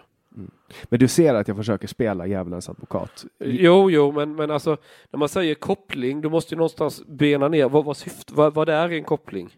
Just en koppling är väl att man, man hänger med någon och att man Ja men alltså då har ju sossarna har ju kopplingar till Ryssland då. Jag menar vår utrikesminister som är sosse sitter i möten med Sergej Lavrov och allting och förstår du? Mm. Men det räknas inte när det är sossar, för de är ju ändå goda. Ja, ja precis. Ja, ja men alltså om, om, du bara, vill- om du vill ha foliehatten på huvudet så kan jag koppla ihop dig med precis vem som helst i hela världen, tro mig. Och jag ska kunna paketera det så att folk ändå undrar, finns det inte en sanning här någonstans? Inga bekymmer. Det var alltså, en konspira- konspirationsteoretiker funkar så att du har en idé för dig.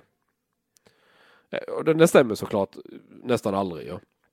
Men skit i det, du letar och letar efter saker som kan styrka den här bilden du har och så cherrypickar du och hittar små saker som du tycker stämmer in på det och så presenterar du bara dem för att försöka frammana en bild som, som eh, ligger enligt den konspirationen du har. Det är så konspirationer funkar. Och så finns det andra idioter som inte ser det här felet som görs utan "Oh, shit de har ju bevis och det här tyder ju lite på detta och ja men sammantaget det verkar vara något skumt här. Och i själva verket är det bara ren idioti från början till slut. De bara sväljer. Ja, och det här är, det här är ett gammalt knep som har funnits i boken evigheters evigheter. Men det roliga är ju att, att etablerad media försöker ju alltid hänga folk som är foliehattar och konspirationsteoretiker. Mm. Men ändå, så helt uppenbarligen, du vittnar ju om att de kör samma sak. Ja, ja, ja, ja, de är inte mer än människor. Varför hycklar man inom etablerad Ja, men media? det gör nog nästan alla. Hycklar du? Ja, det vet jag inte, jag hoppas inte. Nyheter idag, hycklar ni? Gör ni en sak och, och Jag hoppas inte det. hur skulle du beskriva nyheter idag då? Nej, punkborgerlig, libertariansk, höger. Och då har ni, då, då, då, har, då bekänner ni ändå en färg. Ja, absolut. är det på samma sätt som Aftonbladet som bekänner sig som socialdemokratiska, obundet socialdemokratiska? Ja, så kan man säga. Men, men ni, och då är det era opinionstexter, men er journalistik i övrigt är eh, objektiv. Nej, jag tror inte det finns objektiv journalistik. Och det tror inte jag heller. Men, men alltså, sku, be, Men den ska vara sann. mm, det ska vara sant, okej. Objektiv är inte ett ord jag vill använda. Jag resonerar med, är det sant eller inte? Väljer, Är, jag- är, jag, är jag rättvis när jag återger någonting? Förstår du? mm, Jag kan, ju, jag kan ju beskriva ett skeende och plocka vissa bitar. Och var och en av dem i sig är sanna.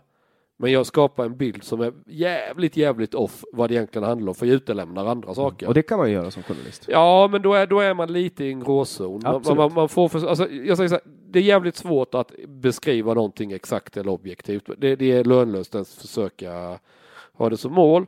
Men man, men man ska väl i alla fall kunna ha gott samvete och känna att jag uppenbart lurar inte folk med detta. Mm. Det är inte så att jag liksom nästan bedrar om, om hur verkligheten ser ut. Men det menar du att det, vill, det vill ni undvika? Eh, Ja, givetvis. När ni väljer nyheter, Mm. väljer ni nyheter då som ska gynna er agenda eller kan ni också välja nyheter som missgynnar er agenda? Alltså vi har inte så mycket av en agenda. Men om du är libertarian höger, då har du väl en agenda? Eller? Ja, alltså vi har grundvärderingar vi ser på samhället. Men jag menar, jag har ju haft Marcus Allard som är hur vänster som helst. Han skrev ju hos mig. Eh, Elliot Lorentzons hans kompis, var ju också och skrev hos mig.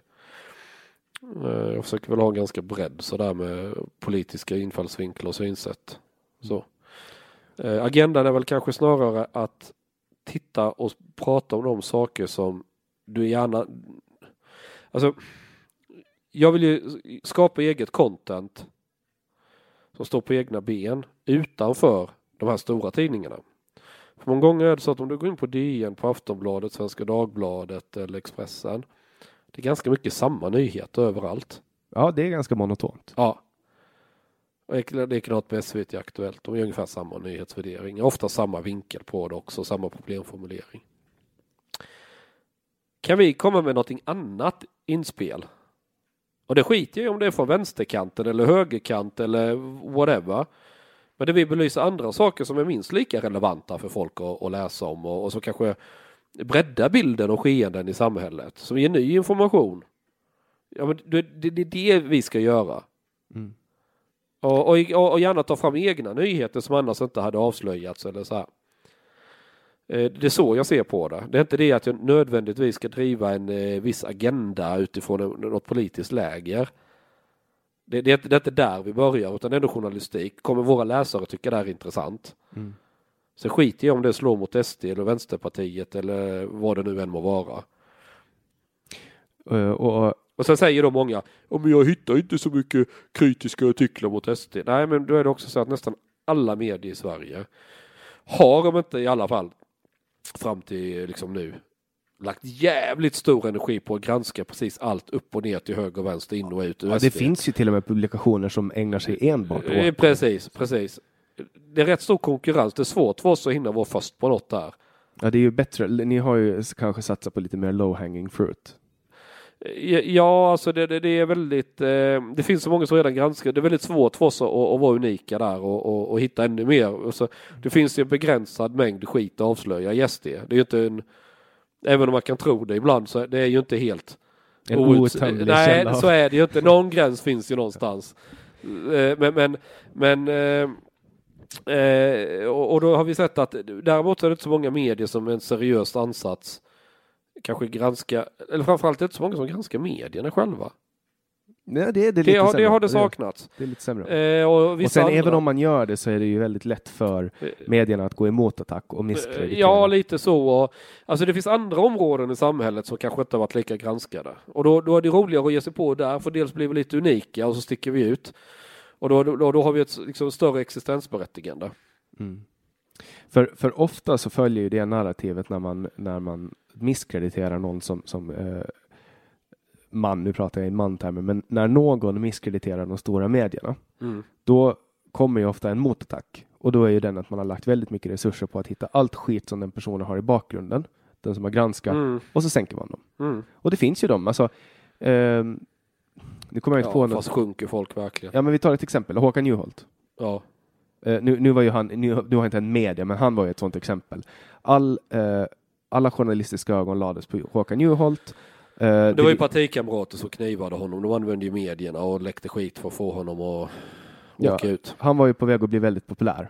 Ja. Och han var redan väldigt populär. Ja. Och han skulle, ha, han skulle troligtvis ha varit ganska bra för Socialdemokraterna. Ja. Eh, och, och då, men det fick han, då, det, det, han fick liksom dala ner i glömskan. Han var inte tillräckligt mycket broiler. Ty, nej, och kanske inte lyssna. Nej, han var väl lite... Ska du koka och göra mat? Kör på, jag vet. kör, kör på bara. Det är ett, Ja, ja, det var... ett trevligt inslag. Eh, Ja, så bakgrundsljudet här är min sambo då som gör mat och så får folk undra vid köket. Ja, vad skulle jag säga? Nej, men Håkan var kanske lite för folklig för sossarna. Mm. Och vad tycker du om, om Stefan Löfven då, som statsminister? Är du stolt? Jag är varken heller. Alltså Stefan, det är inget ont i människan. På något sätt. Eh, och jag tror det är nog en människa jag nog hellre skulle umgås med än till exempel Fredrik Reinfeldt. Jag skulle nog ha mer gemensamt med Stefan. För att ni båda har eh, arbetarbakgrund? Ja, men det är nog... Ja, det kan man, ja jag vet inte. Men, men det, det, bara, det bara känns som att det är en person som jag nog hellre skulle vilja sitta och umgås med eller ta en öl med eller en grillad korv eller vad det nu är, du vet. Du har väl jobbat med konstruktionsarbeten? Uh, ja, inte konstruktion, vi rev. Destruktionsarbeten. ja, det. Precis som jag gör i media nu, jag Ja. bara förstör. uh, uh, nej, vi rev högspänningslinjer och sånt, grävmaskiner, lastbilar och allt skit. Så, ja. Och nu har ju du blivit eh, lite av högerns klimatgreta eh, ur ett entreprenöriellt perspektiv när du har startat kärnkraftsbolaget. För du ska ju, du ska väl rädda miljön och klimatet? Jag ska fylla min plånbok med massa pengar, det är vad jag ska göra. Så det är rovkapitalistiska motiv som ligger bakom. Jajamän, ren, ren och skär ondska, ren kapitalism. Vinsten går oavkortat till att jag ska ha råd att steka en massa fläskkotletter. Jag bara lägger på hög så jag ligger i soffan sen och behöver inte göra, bli ännu latare. Fläskkotletter är ju relativt billiga i förhållande till de lite finare delarna av, av Kan djuret. väl smyga med en oxfilé om det känns bättre. Ja, Oxfilé och ryggbiff och entrecote. Ja, just det. Nej, men poängen är väl lite så här att alla mina kära näthatare i min svans, eh, vilket det börjar bli jävligt många nu, eh, de har- ju redan ett elabonnemang. Mm. Så är de väl kunder i något Telge Energi, God El eller vilka det nu är som bara marknadsför sig med att de är de godaste i hela världen och vi ska rädda planeten och vindkraft och solkraft och hej och hå. och- Ja men du fattar. Mm. Och så ser all marknadsföring ut i den här branschen. Koldioxidkompensation etc. Ja. Och jag vet att vi- de flesta av mina läsare är ju sådär lagom intresserade av att vara med och sponsra det där. Och det är det ju, för en del av vinsten går ju till marknadsföring och du vet. Och marknadsföring och reklam blir också en del av opinionsbildning i ett samhälle. Mm. Men hela elbranschen nästan talar med en röst. Vi ska ha mer vindkraft, vi ska ha mer detta. Ja, ja, då blir det ju så ju. Trots att kanske hälften egentligen vill ha kärnkraft. Ja, Det finns ju en marknad ju. Om då Kärnkraft.se, okej du slipper. Eh, du behöver inte vara med och betala... alltså vi erbjuder i princip samma pris som andra. Det är inte det är inte så att vi priskonkurrerar eller håller på för då, då finns det knappt marginal. Då är det ingen mening att hålla på. Utan men du får samma pris som du hade fått hos God El eller rörligt pris hos E.ON eller vilka du nu hade annars kanske har. Och liksom det skiljer kanske max 15-20 spänn i månaden upp eller ner och det skiter ju folk i. Men de får välja att göra ett etiskt val. Ja, då kan de ju välja att stödja det de gillar. Och i all vår marknadsföring, alltså bara det att vi har mer kunder i sig blir ju en signal till elmarknaden. Bara det räcker. Ju större vi blir, bara det i sig kommer påverka beslutsfattare. Hur stora är ni nu då? Nej, det alltså vi har precis startat så vi är pyttesmå. Men vi har bra kundtillväxt. Jag har ju jävla mycket jobb att lägga med att onboarda kunder och och sen har vi, ja, det är alltid så att när du startar upp en ny verksamhet första året är ju alltid en massa huvudvärk och, och bekymmer och du vet så här. Så, men så är det med alla företag. Så det är det jag sitter mitt uppe i. Vi behöver programmera om saker, ändra en del rutiner. Fan, det här måste vi fixa. Shit, här tänkte vi fel och ja, men du vet. Så vi jobbar undan om det. Men du har ändå en historia inom elektronik, alltså eller, Ja, men ri- riva elledningar. Men, men det är ju distributionssidan. Det här är ju försäljning av, av elkraft. Det är, det är två olika delar. köper ni svensk kärnkraft? Ja. Och det är bara svensk kärnkraft. Finns det svensk kärnkraft så det räcker nu när man håller på att stänga ner reaktorer? Ja, ja, det finns ju flera kvar. Annars ska vi köpa ursprungsgarantier från Ryssland någonstans eller något annat. det hade varit skitkul. Så här på ryska. Gärna Sovjetmärket på också. Ja. Kan ha det som specialerbjudande till de som efterfrågar. Det hade varit skitkul. Den själv, om man köper det så får man en bild av Stalin. Ja men du vet såhär Ignalina eller något så här, ett gammalt sovjetiskt kraftverk du vet. Eller, eller eh, en bild på Tjernobyl och så är det tre reaktor, reaktorer, ett hål. Ja, nej men det, alltså det, rent tekniskt, det, det går ju att köpa ursprungsgarantier från uh, någon annan del av världen ju. Det är inga problem. Jag ska nog bara kolla så det inte kokar över där, vänta lite. Fan, jag måste käka något idag med. Ja, Hinner du med en halvtimme till då? ja. men tror du vi kan pausa så kan du, kanske jag kan käka lite? Absolut, Ja, absolut. Mm. Nu, eh, nu har du fått dig en liten eh, mat, din matklocka ringde. Ja, precis. Mat och sovklockan ja. ja. Och eh, vi sitter ju här i ditt kök och det händer lite grejer runt oss. Men det är bara, det är bara trevligt. Det är första gången som jag har Nej, det är inte första gången som jag blir hembjuden till någon, men det är första gången som, som jag har varit inne i någons vardagsliv Jaha. när vi har poddat. Ja, men så är jag med alla som kommer hit. Ni får ta det som det kommer. Jag orkar inte anpassa eller du vet. Men normalt sett så brukar ju folk, du vet, att man ska vara lite försiktig med privatlivet. Men nu sitter jag ju här i ditt kök eh, när du har... Nej, då- där har de ju rätt att jag är lite ryssjävel. För de är ju också sådana att eh, har du en gäst hemma då, då blir du ju en i, alltså förstår du? Ja. Hemmet är hemmet. Då är du ju hemma hos någon. Var, varför ska man låtsas som något annat? Det, men det är en ganska, jag tycker det är en skön och laid back attityd liksom. Ja, folk blir ju mer bekväma med att vara hemma hos någon. Om du märker att någon gör sig till och det man ska göra det så, och visa sin finaste sida och allt det. Eh, jag tycker det kan bli lite stelt. Mm, absolut. Men du har ju, du har ju till exempel, du har ju erbjudit mig att ligga till bords med dig. Är det så ni säger på Åland? Nej, men det är så Jesus säger. Jaha, Har du inte tänkt på det? I Bibeln så, säger, så står det alltså Jesus låg till bords med. jaha, Jag tycker det är roligt. Jag tycker om att använda sådana bibliska. Sen, jaha. Och, det, Ja. och det var ju typ för att i romarriket så låg de ner och åt mat. Just det, Och hade just någon det. vindruva. Här. Jaha. Och sen finns det ju också typ den här att Jesus alltid sa sannerligen säger jag er. Ja, det sa han nog. Han, han inledde varje mening med att han pratar sanning. Så, I'm telling you the truth. Jaha, ja. ja. Det är alltid när folk säger så som man ska misstänka att de ljuger, men okej. ja, Men, men, men, eh, nej, men det är också en sån här grej att lagar man mat hemma om man har en gäst så måste man fråga om de, om de vill äta. För det, det är en sån där svensk grej, du vet när barn är hemma hos någon. Ja, jag ska, kan du vänta på mitt rum för jag ska ner och äta? Ja, så hade vi det på Åland också. Jag kan tänka mig det. Det är ju sån här totalt icke vi, vidrig icke-kultur. Det var ju bitchigt. Ja, ja, för mig, min del liksom. Om du är i. Om du åker till någon av de baltiska staterna eller du är i Ryssland eller Vitryssland, vad fan du vill. Du förstår, bara du lämnar Sverige i princip. Ja. Eller länder som totalt influerats av Sverige. Jag vet att du är i Finland så jag säger ingenting. Det är lite sär, men skitsamma. Jag, jag kan inte hur Finland funkar alls. Alltså, det är inte så att folk kommer och kramar en på gatan i, i Finland. Det är Sverige, Finland är ju ett väldigt in, inåtvänt land. Jo, men om du är hemma hos någon och de lagar mat, bjuder de på mat eller får du vänta i ett annat rum? Alltså, de bjuder på bastu, så är det. Men sen är det beror det väl säkert lite på vem man är och var man är. Det är svårt att säga. Jag, är inte så, jag har varit mer i Sverige än i Finland. Eh, Okej, för är du, är du i Ryssland, även om du inte känner människorna, men har, har, de, om de väl släppt in dig i sitt hem, så är det deras förbannade plikt att se till att du är nöjd och glad. Har du ätit, behöver du mat, är det något annat, du är, du är gäst. Förstår du? Punkt. Och så var det lite när jag växte upp, lite grann. Min mamma var från Polen och min pappa var ju tattare.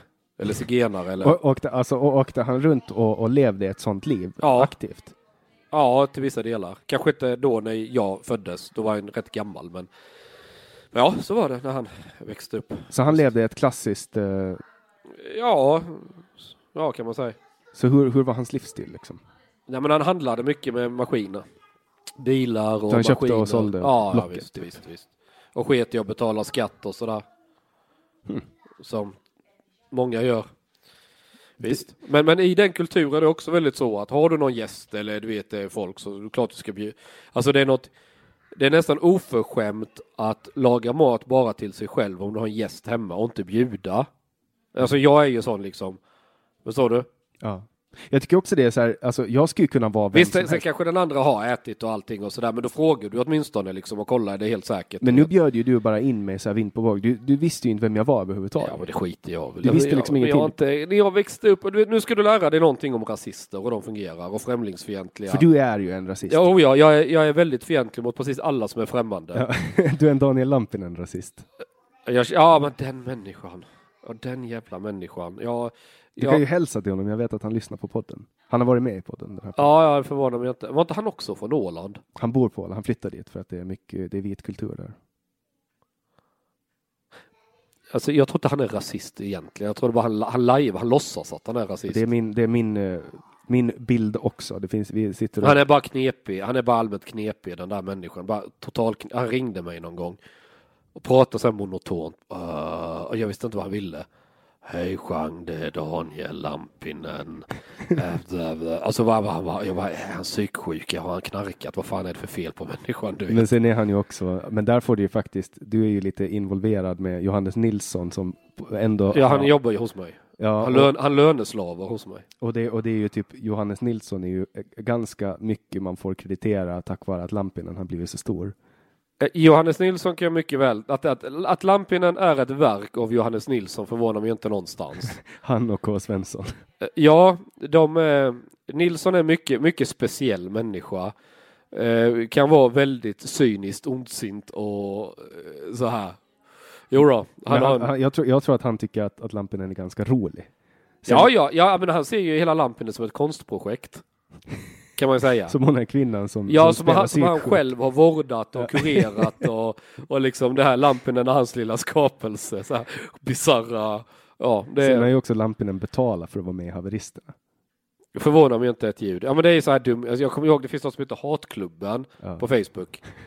Eh, och där var väl Lampinen med. Och jag, jag, jag hinner inte följa allting. Alla, det är speciellt så här totalskruvad idiothumor som liksom det kan gå hur långt som helst. Hur gled vi in på Lampinen? Jag Vi vet konstaterar att du är rasist. Just det, just det. Och alla vi som är väldigt främlingsfientliga och sådär, det är ju ett speciellt sätt att du vet. En gång när jag, morsan bodde i Hässleholm, så rätt var det så var det en irakisk, vi hade, en- hade en lägenhet där ju. Jag låg i luppen och var det ibland på helgerna då ja. Och rätt var det var det en irakisk familj som hade flyttat in i vår lägenhet för då hade ju morsan varit och gått i parken och eh, då var det ju någon flyktingförläggning som var i Hässleholm du vet och de hade kommit och han tyckte, hon tyckte synd om dem för de hade någon liten dotter som var fyra, fem år.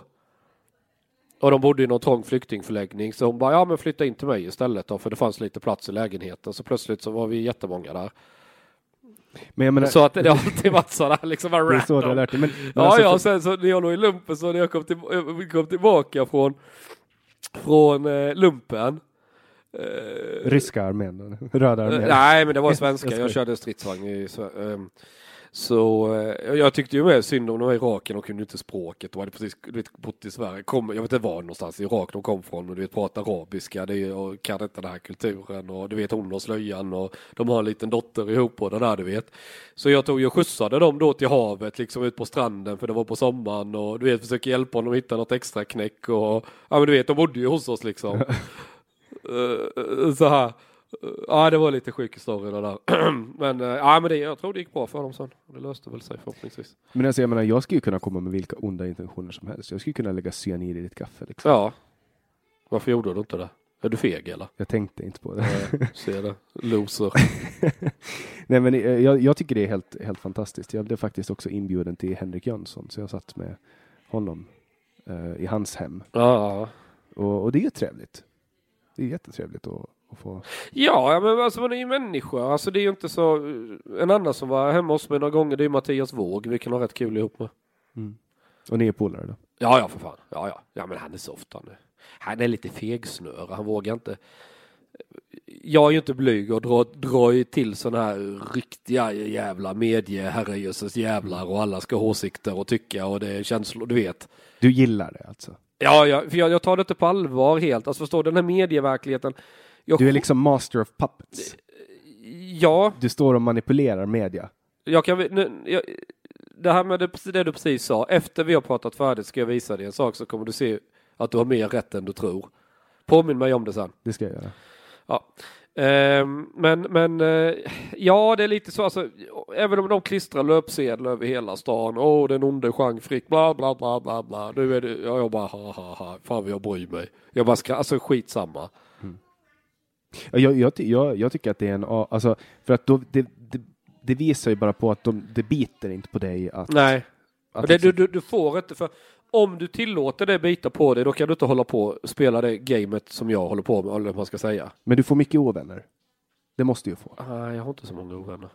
Jag vet inte vilka som är det är ytterst få. Men, men folk vänder ju, alltså typ, du fick ju inte vara med i Publicistklubben. Ja, och, Det är ett exempel. ja, och Får du vara med i facket? I Journalistförbundet? det vet jag inte. Antagligen inte.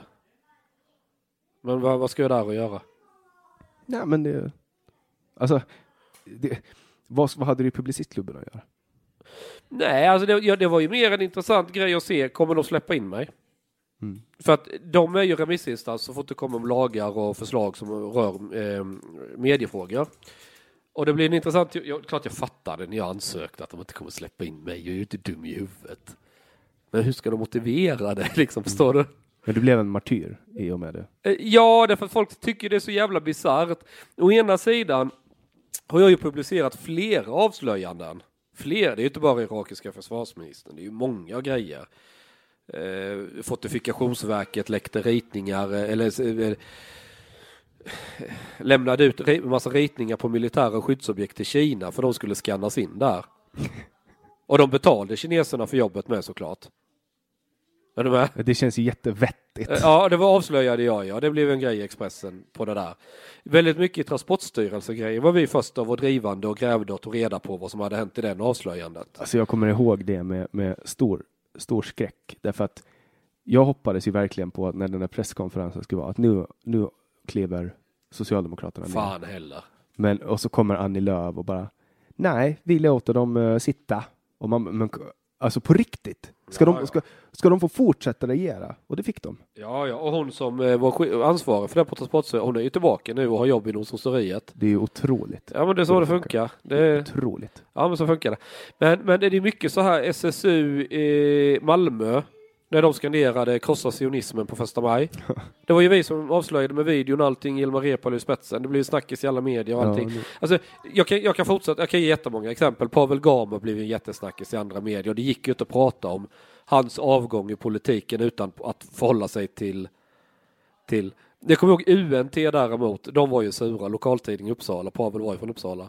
Så de skrev en text på internet när de refererade till min artikel.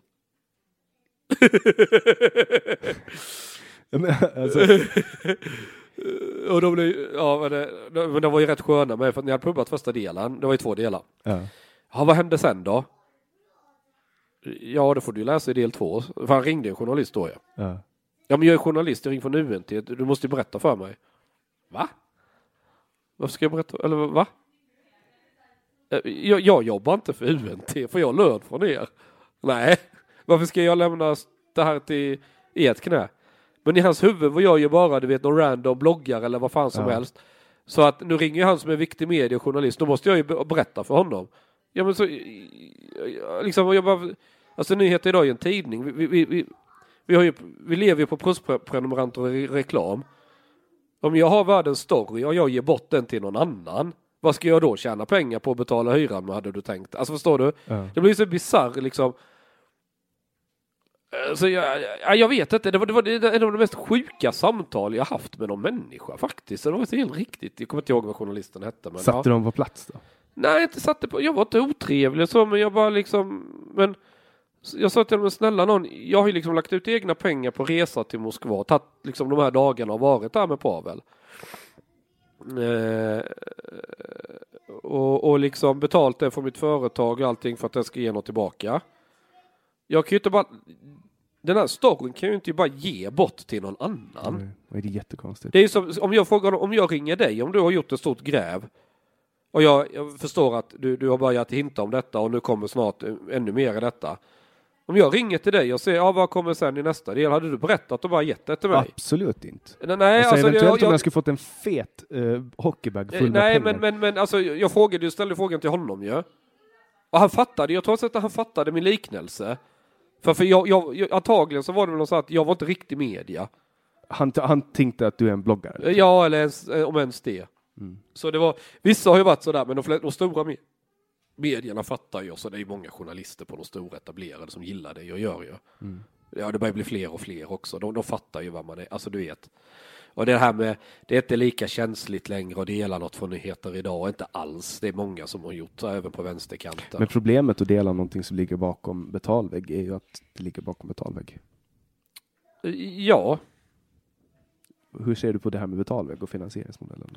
Nej, vi har valt det. Alltså, jag gillar stadiga inkomster och det blir väldigt lätt för oss att budgetera. Om vi ska, om du heter Joakim Lamotte och bara kör ensamspel, då kan du köra Swish. Då ser jag, nu börjar det sjunka lite på kontot. Ah, Okej, nu gör vi någon ny grej och så kommer det in lite bidrag. Men nu har han väl en ganska fet buffert, inbillar jag mig. Det beror på hur bra han är på att förvalta sina.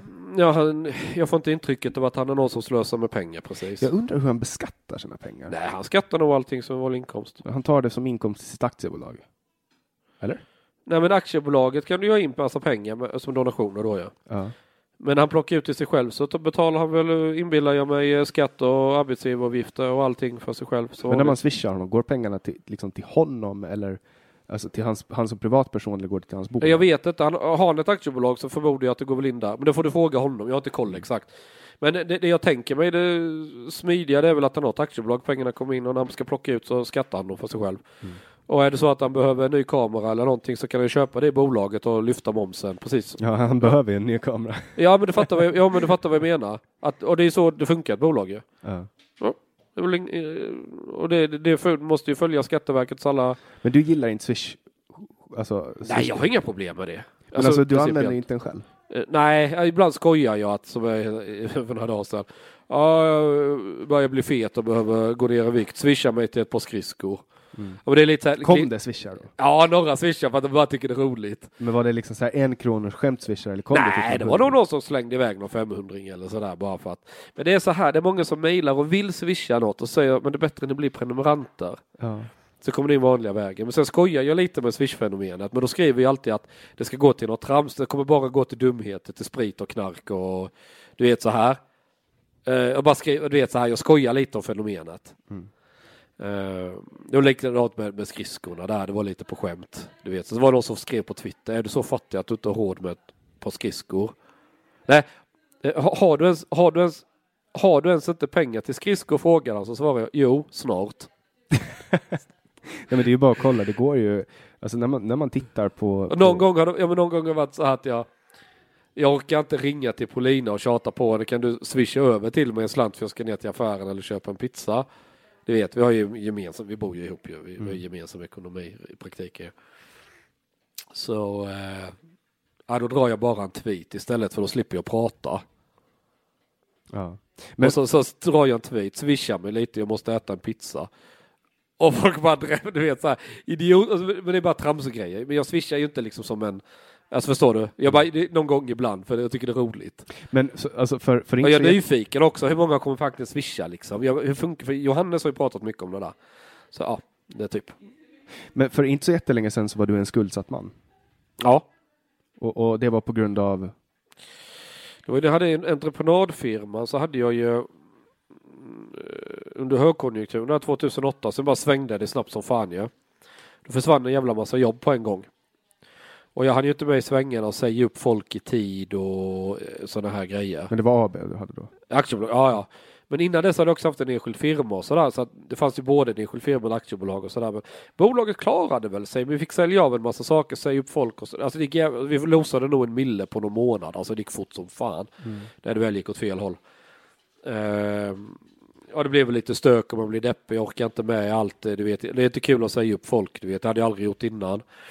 Och det här att shit jag har fått ihop pengar till alla räkningarna den här månaden i bolaget. Och det hade ju inte hänt mig innan. Jag hade alltid betalt du vet, i tid och så här. Och ska man behöva ringa upp folk och behöva tala om hur läget är och det blir problem och du vet det tar Lättare att gå på... och lägga sig. Vad sa du? Det är lättare att gå och lägga sig. Ja alltså det tar på en psykiskt. Du vet. Och, och när man jobbar som fan försöker få in pengar och du kan inte ta lön själv utan du måste betala all... Till slut så det tar stopp någonstans man orkar inte mer. Det liksom maler ner en och det blev en liten slant, det, blev, det var inte mycket men det var, kan det varit en halv miljon jag hade privat i skulder. Så det var väl inget så här våldsamt. Eller ja, det är relativt men det var inte så, jag kände liksom inte att åh shit nu är jag skuldsatt resten av livet. Det, det var inte det. Utan det där är ju hanterbart men jag behövde nog bara komma ifrån allt. Men sen, du hade fortfarande skuld då när du startade nyheter? Ja. Det var ju 2014, detta var ju 2010 som den här smällen liksom Och när, när var din första skuldfria dag? två år sedan eller förra året eller när det var. Och det var tack vare nyheter idag? Ja, Och hur kändes det den dagen när du vaknade? När du betalade bort det sista? nej det var inget speciellt. Alltså jag, jag har kunnat göra det tidigare men skuld, skuld är ju bra på det sättet att du behöver liksom inte oroa dig, de försvinner inte. Nej. Förstår du? Nej. Nej. Ehm, men jag, jag resonerar så här att, alltså kan, har jag liksom, det var, det var, vi får backa bandet lite. När jag träffade Paulina, min sambo, 2012-13. Jag tänkte bara sätta igång och jobba eller dra igång någonting, liksom städa upp det där lite snabbt och allting, du vet, och leva lite ungkarlsliv lite billigt sådär. Men så blev hon gravid. Hoppsan sa. Hur hände det liksom? Ja, hur, brukar det gå till? Ingen aning. Nej, du får läsa i, i biologiboken. Jag ska göra det. Blommor och bin. I alla fall, så eh, jaha, då fick jag ju liksom tänka om där och så ta tag i detta. Vi hittade bostad i Stockholm, skitsvårt och fick in pengar så var det ju bara till det då ju. Få tag på något svartkontrakt någonstans du vet och, och liksom det kostar ju att få en unge och det är så mycket att tänka på och allt så. Är du med? Så det kom hela tiden saker emellan. Så jag, mitt privata la, liksom, det blev ju lägre ner på prioriteringslistan utan jag måste få allt det här andra att funka. Så det var ju lite fattigt eh, så ju. Blev det. Det hade inte behövt vara men nu fick vi en unge då ja, och så, sen skaffade vi en till när vi ändå höll på. Sånt Så- som också hände. Ja, det bara shit happens. Eh, ja, nej men så.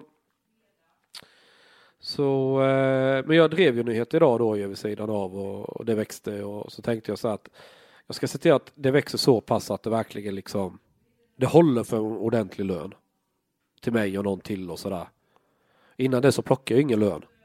Utan jag, jag, jag kan ju, om jag har nolltaxerat och är luspank och varit det i två, tre, fyra år. Då kan jag vara det ett år till, skitsamma. Och så ser jag till att nyheten idag blir riktigt, riktigt starkt. Du återinvesterar allt liksom. Ja, precis. Bara låta den växa upp så, eh, är du med? För blir det en riktigt stor kaka så behöver vi inte ta så stor kakbit. Nej. Och så blir det ändå pengar.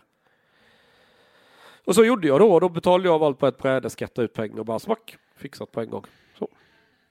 så Och, och nu är det helt tvärtom. Nu har du hus, du har en ny bil, du Ja. har... Och det måste ju, och, och nu, nu liksom, nu har du startat kärnkraftbolaget och Ja. gjort en hel omvändning. Ser du dig själv som en, en eh, journalist eller som en entreprenör?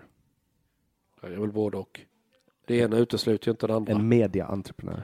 Ja, Så du är ingen rivare längre? jo.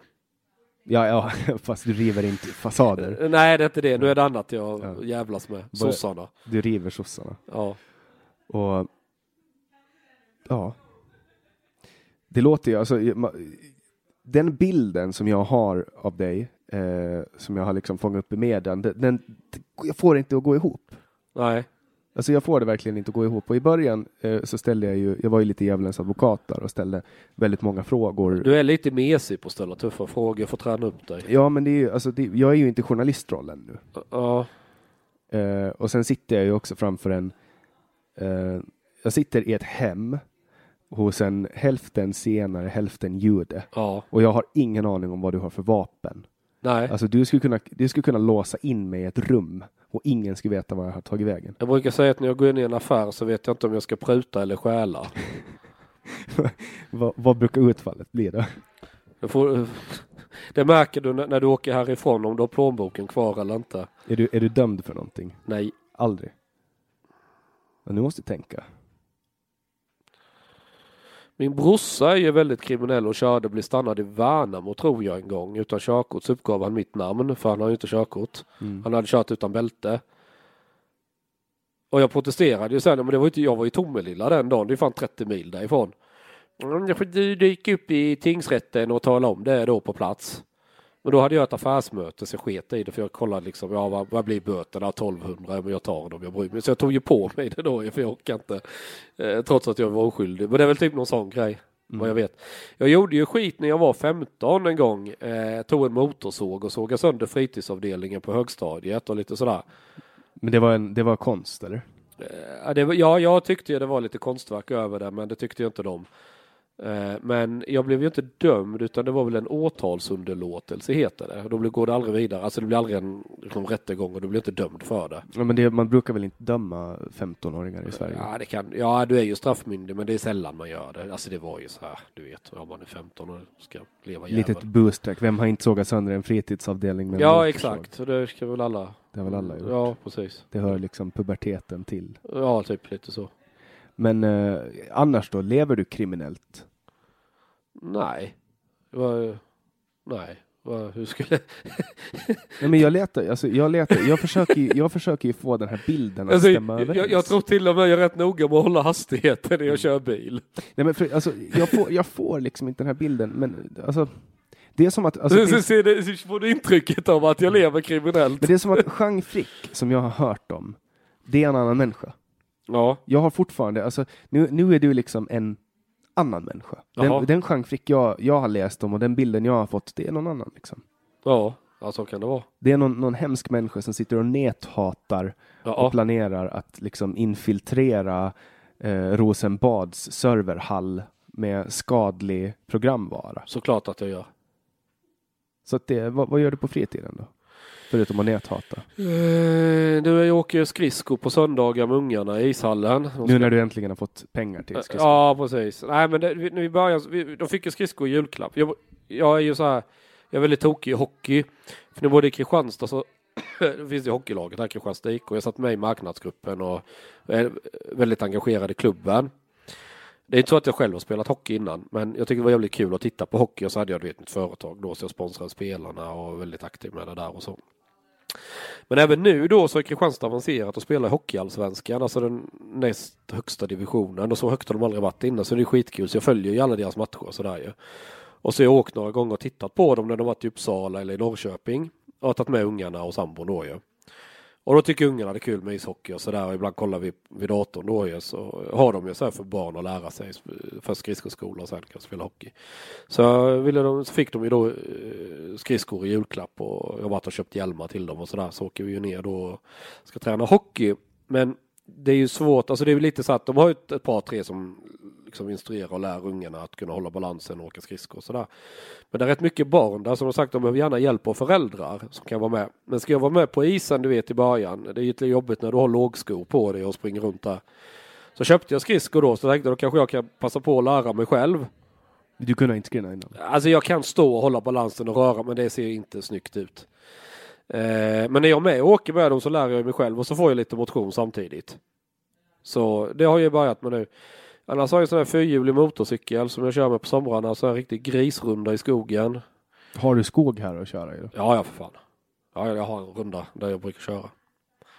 Jo då. De kör med enduro eller vad det är, du vet sådär som en cross typ. Är den registrerad? Gaturegistrerad?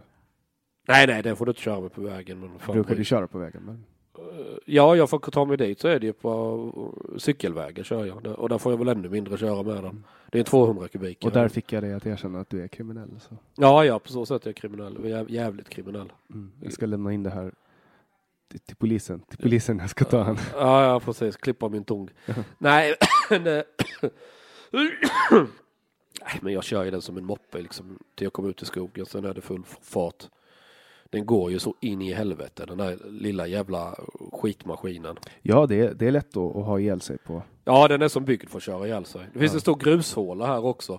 Fullt med skyltar, så här motorcykelåkning förbjuden. Och så ser man bara hur mycket sp- spår som helst efter krossar och fyrhjulingar. Alltså den är ju, den är ju kriminellt rolig att köra i den grushålan ju. Ja, men allting som är roligt är ju förbjudet. Ja men så är det ju, det är ju sosse-Sverige. Nej men så jag, Det hör ju till. där har jag ju varit och kört lite med polare också, det är så jävla, men de som äger hålan, de skiter fullständigt i det, men man ser ju, de har till och med liksom riktigt byggt eh, banor och sådana grejer där för att man ska köra och så här ju. Men alltså när man tänker på det, det är ju fan sant. Allting som är roligt är förbjudet i Sverige. De har ju till och med förbjudit dans. Du behöver ju danstillstånd. Eh, Ja, det men det, så har det varit jättelänge.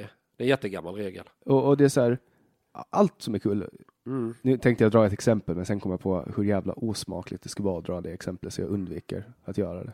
Är du rädd för journalisterna på Åland nu igen? Alltså, det är klart att man har en viss respekt för, för vad man kan bli utsatt för av, Då låter du dem ha kontroll över dig om du tänker så. ja. Ja, så kan det vara. Men det, det, är klart att, att, det är klart att man är lite försiktig. Jag, jag ser fram emot den dagen som jag kan gå riktigt well. Jag har ju redan Har du varit... inte sett det här klippet på Youtube när Alexander Borg är i TV4? Han bara, man får visst det säga neger. Neger, neger, neger, neger, sitter han och skriker bara i, i TV4. Och bara helt obstinat. Ni ska fan inte tala om för mig vad jag får säga och inte säga. Du vet, och det, det finns ju på Youtube, alltså det är från TV4 men så det gick ju ut i sändningen. Den attityden gillar jag, så bara principiellt. Ni ska fan inte komma och tala om för mig. Jag kanske har mycket att lära av dig. Jag har ju ändå blivit, alltså, vad ska man säga, jag har ju ändå blivit upplärd av etablissemanget hur man ska föra sig. Sen har inte jag haft så jättestor respekt för det. Jag har ju brutit mot, mot reglerna ändå. Jo, men det är så här, alltså, jag, jag köper sådana här grejer, liksom att man ska inte säga saker för att kränka andra. i on- Alltså, man ska inte vara elak mot människor såklart, givetvis. Men det som många tror är att vara, i, alltså, om, om, om alltså, du började ju den här podden med det här med ordet zigenare. Ja. Och det är så bisarrt därför att romer själva använder ju ordet zigenare. Det finns en låt som heter Du svarte zigenare, en gammal klassiker. Jag kan spela den på mobilen om du vill. är du med? jag kör. Och det här är en del av kultur, det, heter ju så ju. Om jag är med de jag växte upp med, de som är romer eller tattar eller vad resande eller vad fan du vill kalla dem. Och jag använder ordet zigenare, det är liksom ingen, ja det är fullt normalt. Det fanns en som kom till skroten ibland, en jävligt trevlig kille faktiskt. Zigenar-Anton kallade alla honom. Jag tror han själv med. Men jag menar, så här liksom, det var, och det var, det var en bra kille allting och det för mig, det, det har aldrig funnits något nedsättande i ordet. Det är klart att om någon skriker efter, åh din jävla zigenare, du vet, det är klart att då blir det ett negativt sammanhang. Men så kan du ju använda alla ord, förstår du? Alla ord kan ju bli. För, men du förstår liksom min rädsla. För att, alltså, eh, vad ska jag ta som, som exempel? Som när jag, när jag var i Kina, så eh, där har de ju någon sån här grej, att så här, om de behöver prutta, då pruttar de. För Ja. att det är så här helt naturligt för dem, det är inget konstigt. Nej. Det är, liksom, det är tråkigt att det luktar illa, too bad, men det är bättre att det luktar illa för alla andra än att man själv får ont i magen. Ja, ja, det är ju logik i det ju. Ja, och det är, så här, det är så det borde vara. Men för oss, så här, om man pruttar, eh, Man vill inte tappa ansiktet och skämma ut sig. Exakt, det är så här världens heder, hederskultur kring det. Ja. Och, och då är det så här, när man, är när man väl har lärt sig att man inte får prutta, då är det jättekonstigt när man är i Kina, Och någon pruttar. ja, eller man själv känner att man vill göra det och så gör man det, man vet att det är okej. Då kommer det att jaga en. Förstår du vad jag menar? Ja, jag fattar vad du menar. Jo, men så är det. Och, och jag har ju ändå någon form av politiskt korrekt nerv i mig. Mm. Och jag vet ungefär vad som är okej. Och sen vet jag också vad som har blivit kontroversiellt med den här podden. Jag har ju vissa avsnitt som har blivit typ så fort jag pratar om droger så hade jag bara, alltså siffrorna har bara flugit upp. Jaha. Alltså så fort jag har haft någon gäst som har pratat om, om droger så blir det hur bra som helst liksom tittar, eller ly- lyssnar mässigt. Och, och det är för att folk, alltså folk är så extremt rädda för, för det ämnet. För knark? Ja, alltså man, man får inte prata om, om droger. Det, Och det, kan man väl prata om. ja, alltså, Jag kan berätta sådana historier när vi var 16 och drog ner till Christiania och rökte ner oss något så in i helvete alltså. Vi gäst- däckade på en lastpall en gång mitt i natten där. In i Christiania. Och sen vaknade vi att det lät som någon slog ihjäl någon och hundar skällde och allting och vi skulle, nej fy fan vilket jävla liv det var. Vi visste inte hur vi kom hem eller, nej det var roligt. Och, det, det, det, en sån historia är inte konstig alls om folk säger att vi drack öl. Men så fort någonting annat är inblandat. Jag hade en person med i podden som uh, berättade om att hon rökte på. eh, Jaha. när, när, för att hon liksom försökte så här, smälta en, en traumatisk händelse. Jaha. Så berättade hon att hon rökte på och det bara så här flög upp så här, hur många streams som helst. Det är fortfarande ett av våra mest streamade. Men man ska inte röka på av den anledningen. Röka på gör man när man vill vet, slappna av, lugna ner sig lite, lyssna på musik, sova gott, du vet, maten smakar bättre. Brukar du göra det? Röka på? Ja. Ja, emellanåt. Och, och, och du är öppen med, du har liksom ingenting emot att Har du, har, du, har du missat min Twitter eller något? Alltså jag, jag, jag följer inte på Twitter. Så jag har inte sett att, men Nähä. sen vet man ju inte heller. Min uppfattning av det är att man inte vet om du skämtar eller inte. Nej, men så är det. Och det gillar jag. Det ska vara lite där mittemellan. Det ska vara lite, du vet. För att du kan alltså skulle, skulle jag liksom citera saker som jag har hört dig säga i olika poddar, typ att jag jobbar med KGB, alltså typ så, då skulle man ju liksom kunna, man skulle kunna sänka dig. Så det enda man skulle behöva göra är att koppla, eller ta någon riktig aspig journalist som inte fattar vad, vad ironi och sarkasm är ja. och, och citera dig så skulle man ju liksom kunna, Problemet är att då kommer jag ju pusha den ännu längre. ja, och det då, och det, och till det, slut så blir det ju jobbigt för den här journalisten. För ska han följa efter då och vara lika seriös? Alltså alla kommer ju fatta att det här är bara bisarrt. Är du med? och det är väl det som gör att det inte funkar. Eh, Ja, och det, det är det som är teknik. När de försöker tillskriva dig någonting och försöker vara helt seriösa. Att, menar, han är som jag då. Jag är, har något ihop med Putin att göra. Och så pushar det ännu längre. Jag har inte bara det. Jag är ju för fan chef över en hel KGB-avdelning. Jag har ju koll på all signalspaning i Sverige. Är du med? Ja. Om han nu om de försöker, om DN till exempel försöker antyda att jag på fullt allvar har någonting ihop med ryssen och KGB att göra. Då är det de som är idioter. Då, har de, då försöker de ju ge mig en trovärdighet i det här sammanhanget. Är du med? Ja, Då kan jag ju leka med det ju. Och spela på den ännu mer. Förstår du? ja, kanske det är det jag borde ha gjort när jag blev utsatt för, för den här skandalen. Eller när jag var en del Alltså av... jag tror det är lite vad man har för psyke. För att jag, jag kan ju tycka så här, det är journalist, journalister har ju ett ansvar när de rapporterar att ändå ta reda på finns det någon sanning i detta eller inte. Ja. Eh, Ja. Och jag tycker det är bra om man lite småtrollar, lite drar dem i byxorna ibland, förstår du? Ja, men många journalister vill ju inte att, att sanningen ska komma mellan en bra historia. Eh, ja, det är en psykologisk grej som jag tror alla kan drabbas av i sina sämsta stunder. Sen finns det de som eh, är mer slarviga än andra eller inte bryr sig eller tycker att liksom ändamålet helgar medlen och sådär. Så kan det vara. Det är nog rätt individuellt också. Mm. Ja, det fanns en, en politiker på Åland som i början på sin karriär, eh, varje gång han gjorde någonting eh, eller skrev någonting på Facebook, då var han rasist och om man liksom citerar honom till orden och polisanmälde honom. Men nu är det ingen som gör det längre. Nej, För att det är liksom, han skiter i det. ja, det är typ klart och det blir bara värre och värre. Alltså, och, Ja, och ja, alltså det, det, det finns... eh, det en- hänger till och med löpsedlar på hans Det- det- kontor med citat. ja. Liksom. hade jag varit bättre på att spara saker så hade jag också haft en massa inne på mitt. Eh, det finns en eh, matematiker som heter mm, Nikola, eller Nikolas eh, Taleb. Eh, skitjobbig, vresig gubbjävel som gör sig ovän med allt och alla hela tiden på Twitter. Men jävligt intelligent. Men ett jävla as också som människa. Han har skrivit någon bok som heter Anti-Fragile. Förstår du? Ja. Och Alltså att man är motsatsen till, eh, till fragil. ja, Ja. det är inte så lätt att slå sönder den. Nej, ens inte så. Utan ju mer du slår på den, ju starkare blir den. Inte bara att den, håll, att den håller hårt, Ja. utan tvärtom. Den Den- växer i Ja, den, den mår av att bra av att bli slagen. Att ju mer du slår bankar på den, ju mer starkare blir den. Mm. Slutar du banka och slå på den så blir den svagare, förstår du? Ja. Det, det är liksom en teori, ett, ett sätt att tänka om saker. Och det, det ska liksom vara ett mål med sig själv och Typ. Kapten Röd, ju mer de spottar.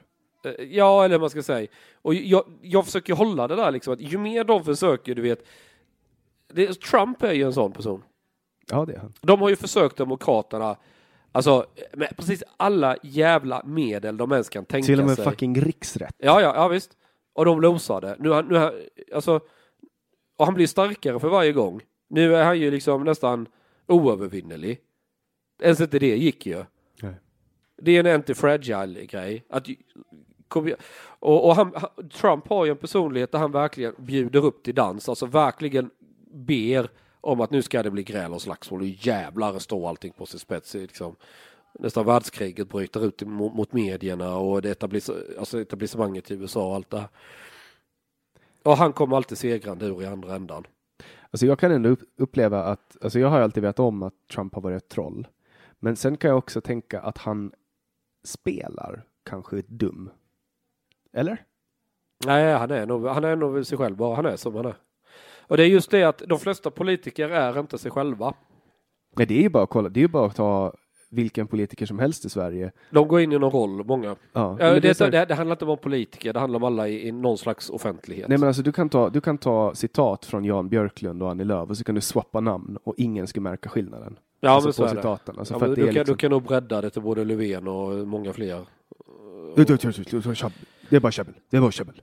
Eh, okej, det är väl typiskt Löfven, men okej, men det finns ju massa citat du kan ta från Löfven som man skulle kunna säga likväl kom från vänsterledaren eller från någon i Moderaterna och så vidare. Det, det är inte det, men, men många, och det är också psykologiskt många är väldigt så här, de, de vill ha en offentlig bild av sig själv som ska vara lite tillrättalagd och den ska se fin ut och ordentlig och så här.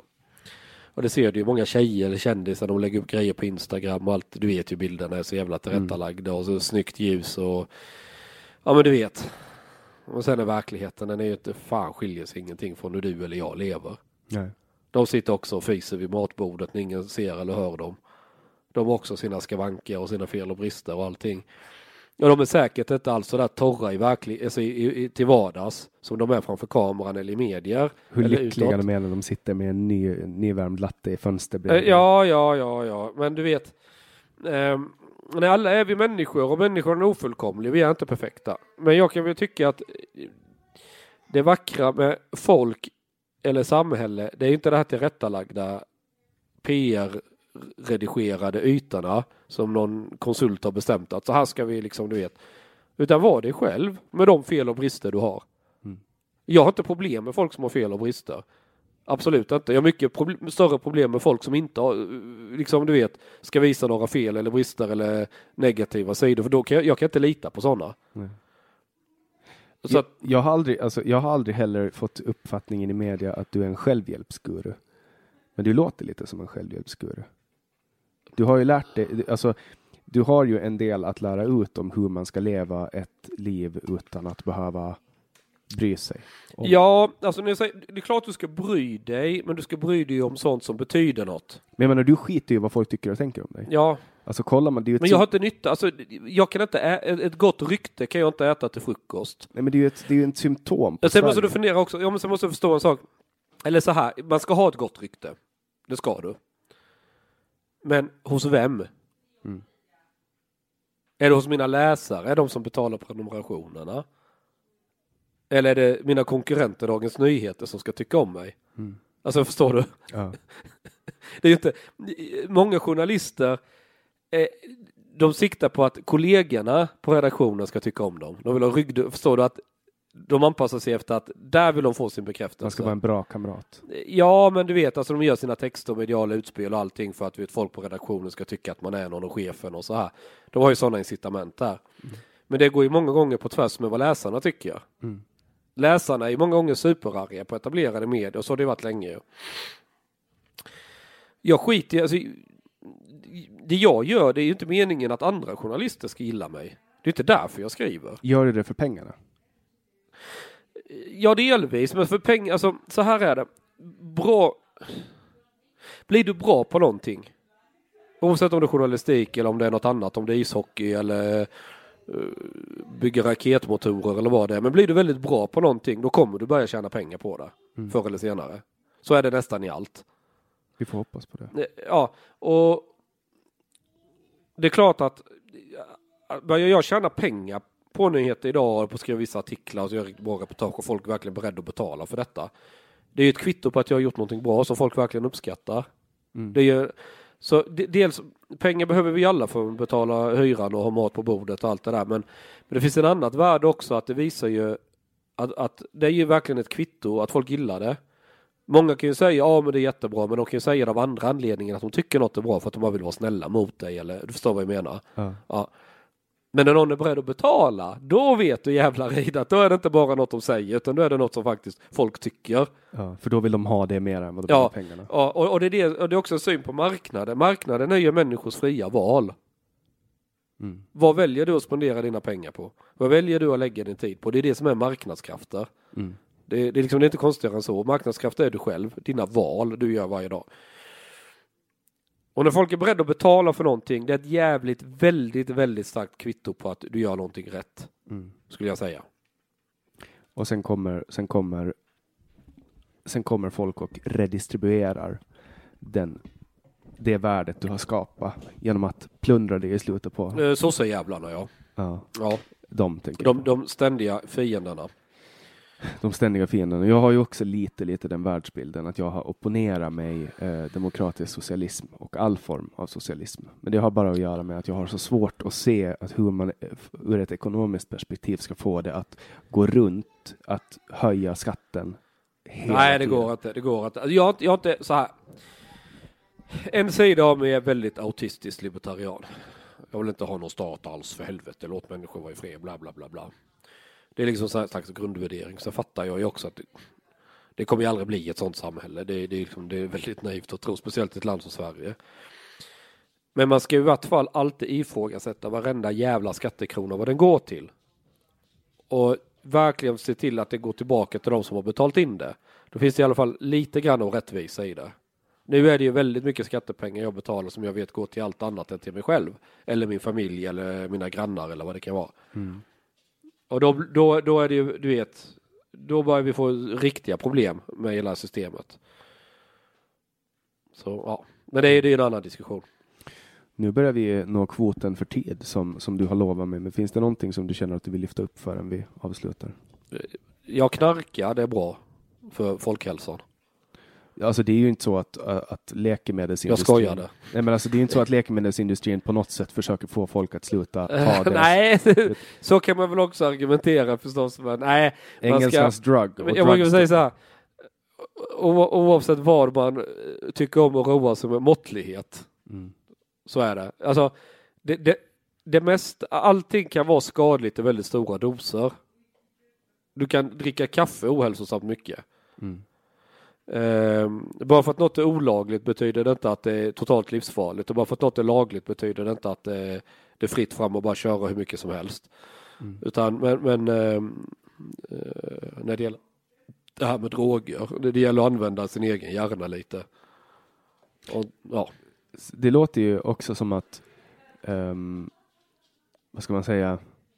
Nu trumfar du ju mina uttalanden, mina offentliga uttalanden. Jag skojar, jag berättade till dig när, när du käkade, när vi tog en paus om, om uh, mitt, uh, min tid i rampljuset, ja. när jag skojade om, om droger och, och, tidningarna och radion på och ja. skrev om det.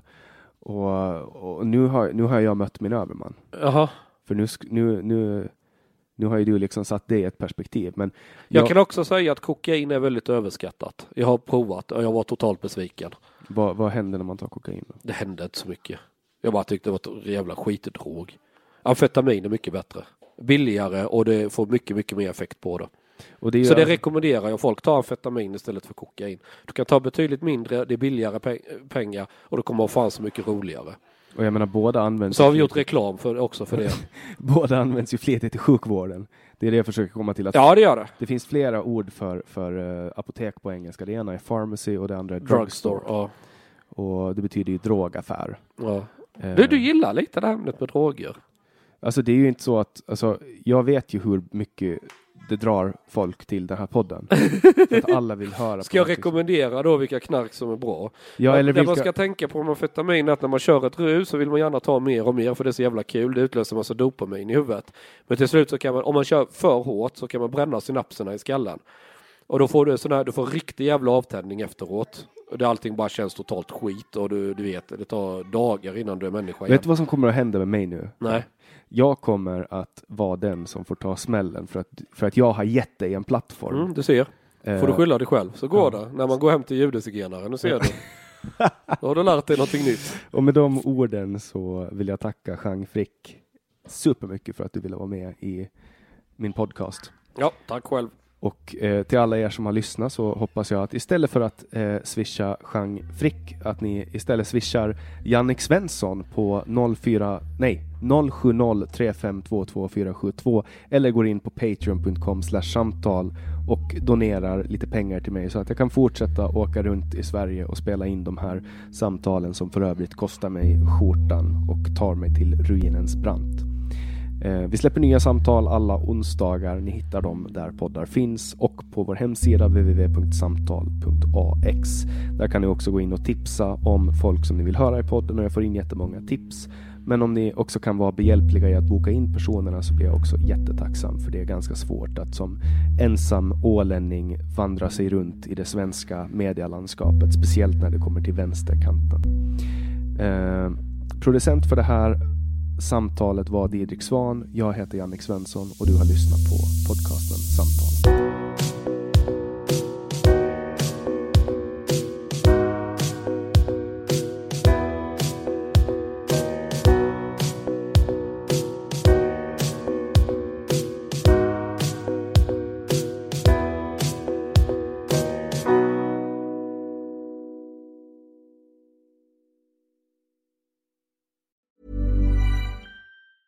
A lot can happen in the next three years. Like a chatbot may be your new best friend. But what won't change? Needing health insurance. United Healthcare Tri Term Medical Plans are available for these changing times. Underwritten by Golden Rule Insurance Company, they offer budget friendly, flexible coverage for people who are in between jobs or missed open enrollment. The plans last nearly three years in some states, with access to a nationwide network of doctors and hospitals. So, for whatever tomorrow brings, United Healthcare Tri Term Medical Plans may be for you. Learn more at uh1.com. Hey, it's Paige DeSorbo from Giggly Squad. High quality fashion without the price tag. Say hello to Quince.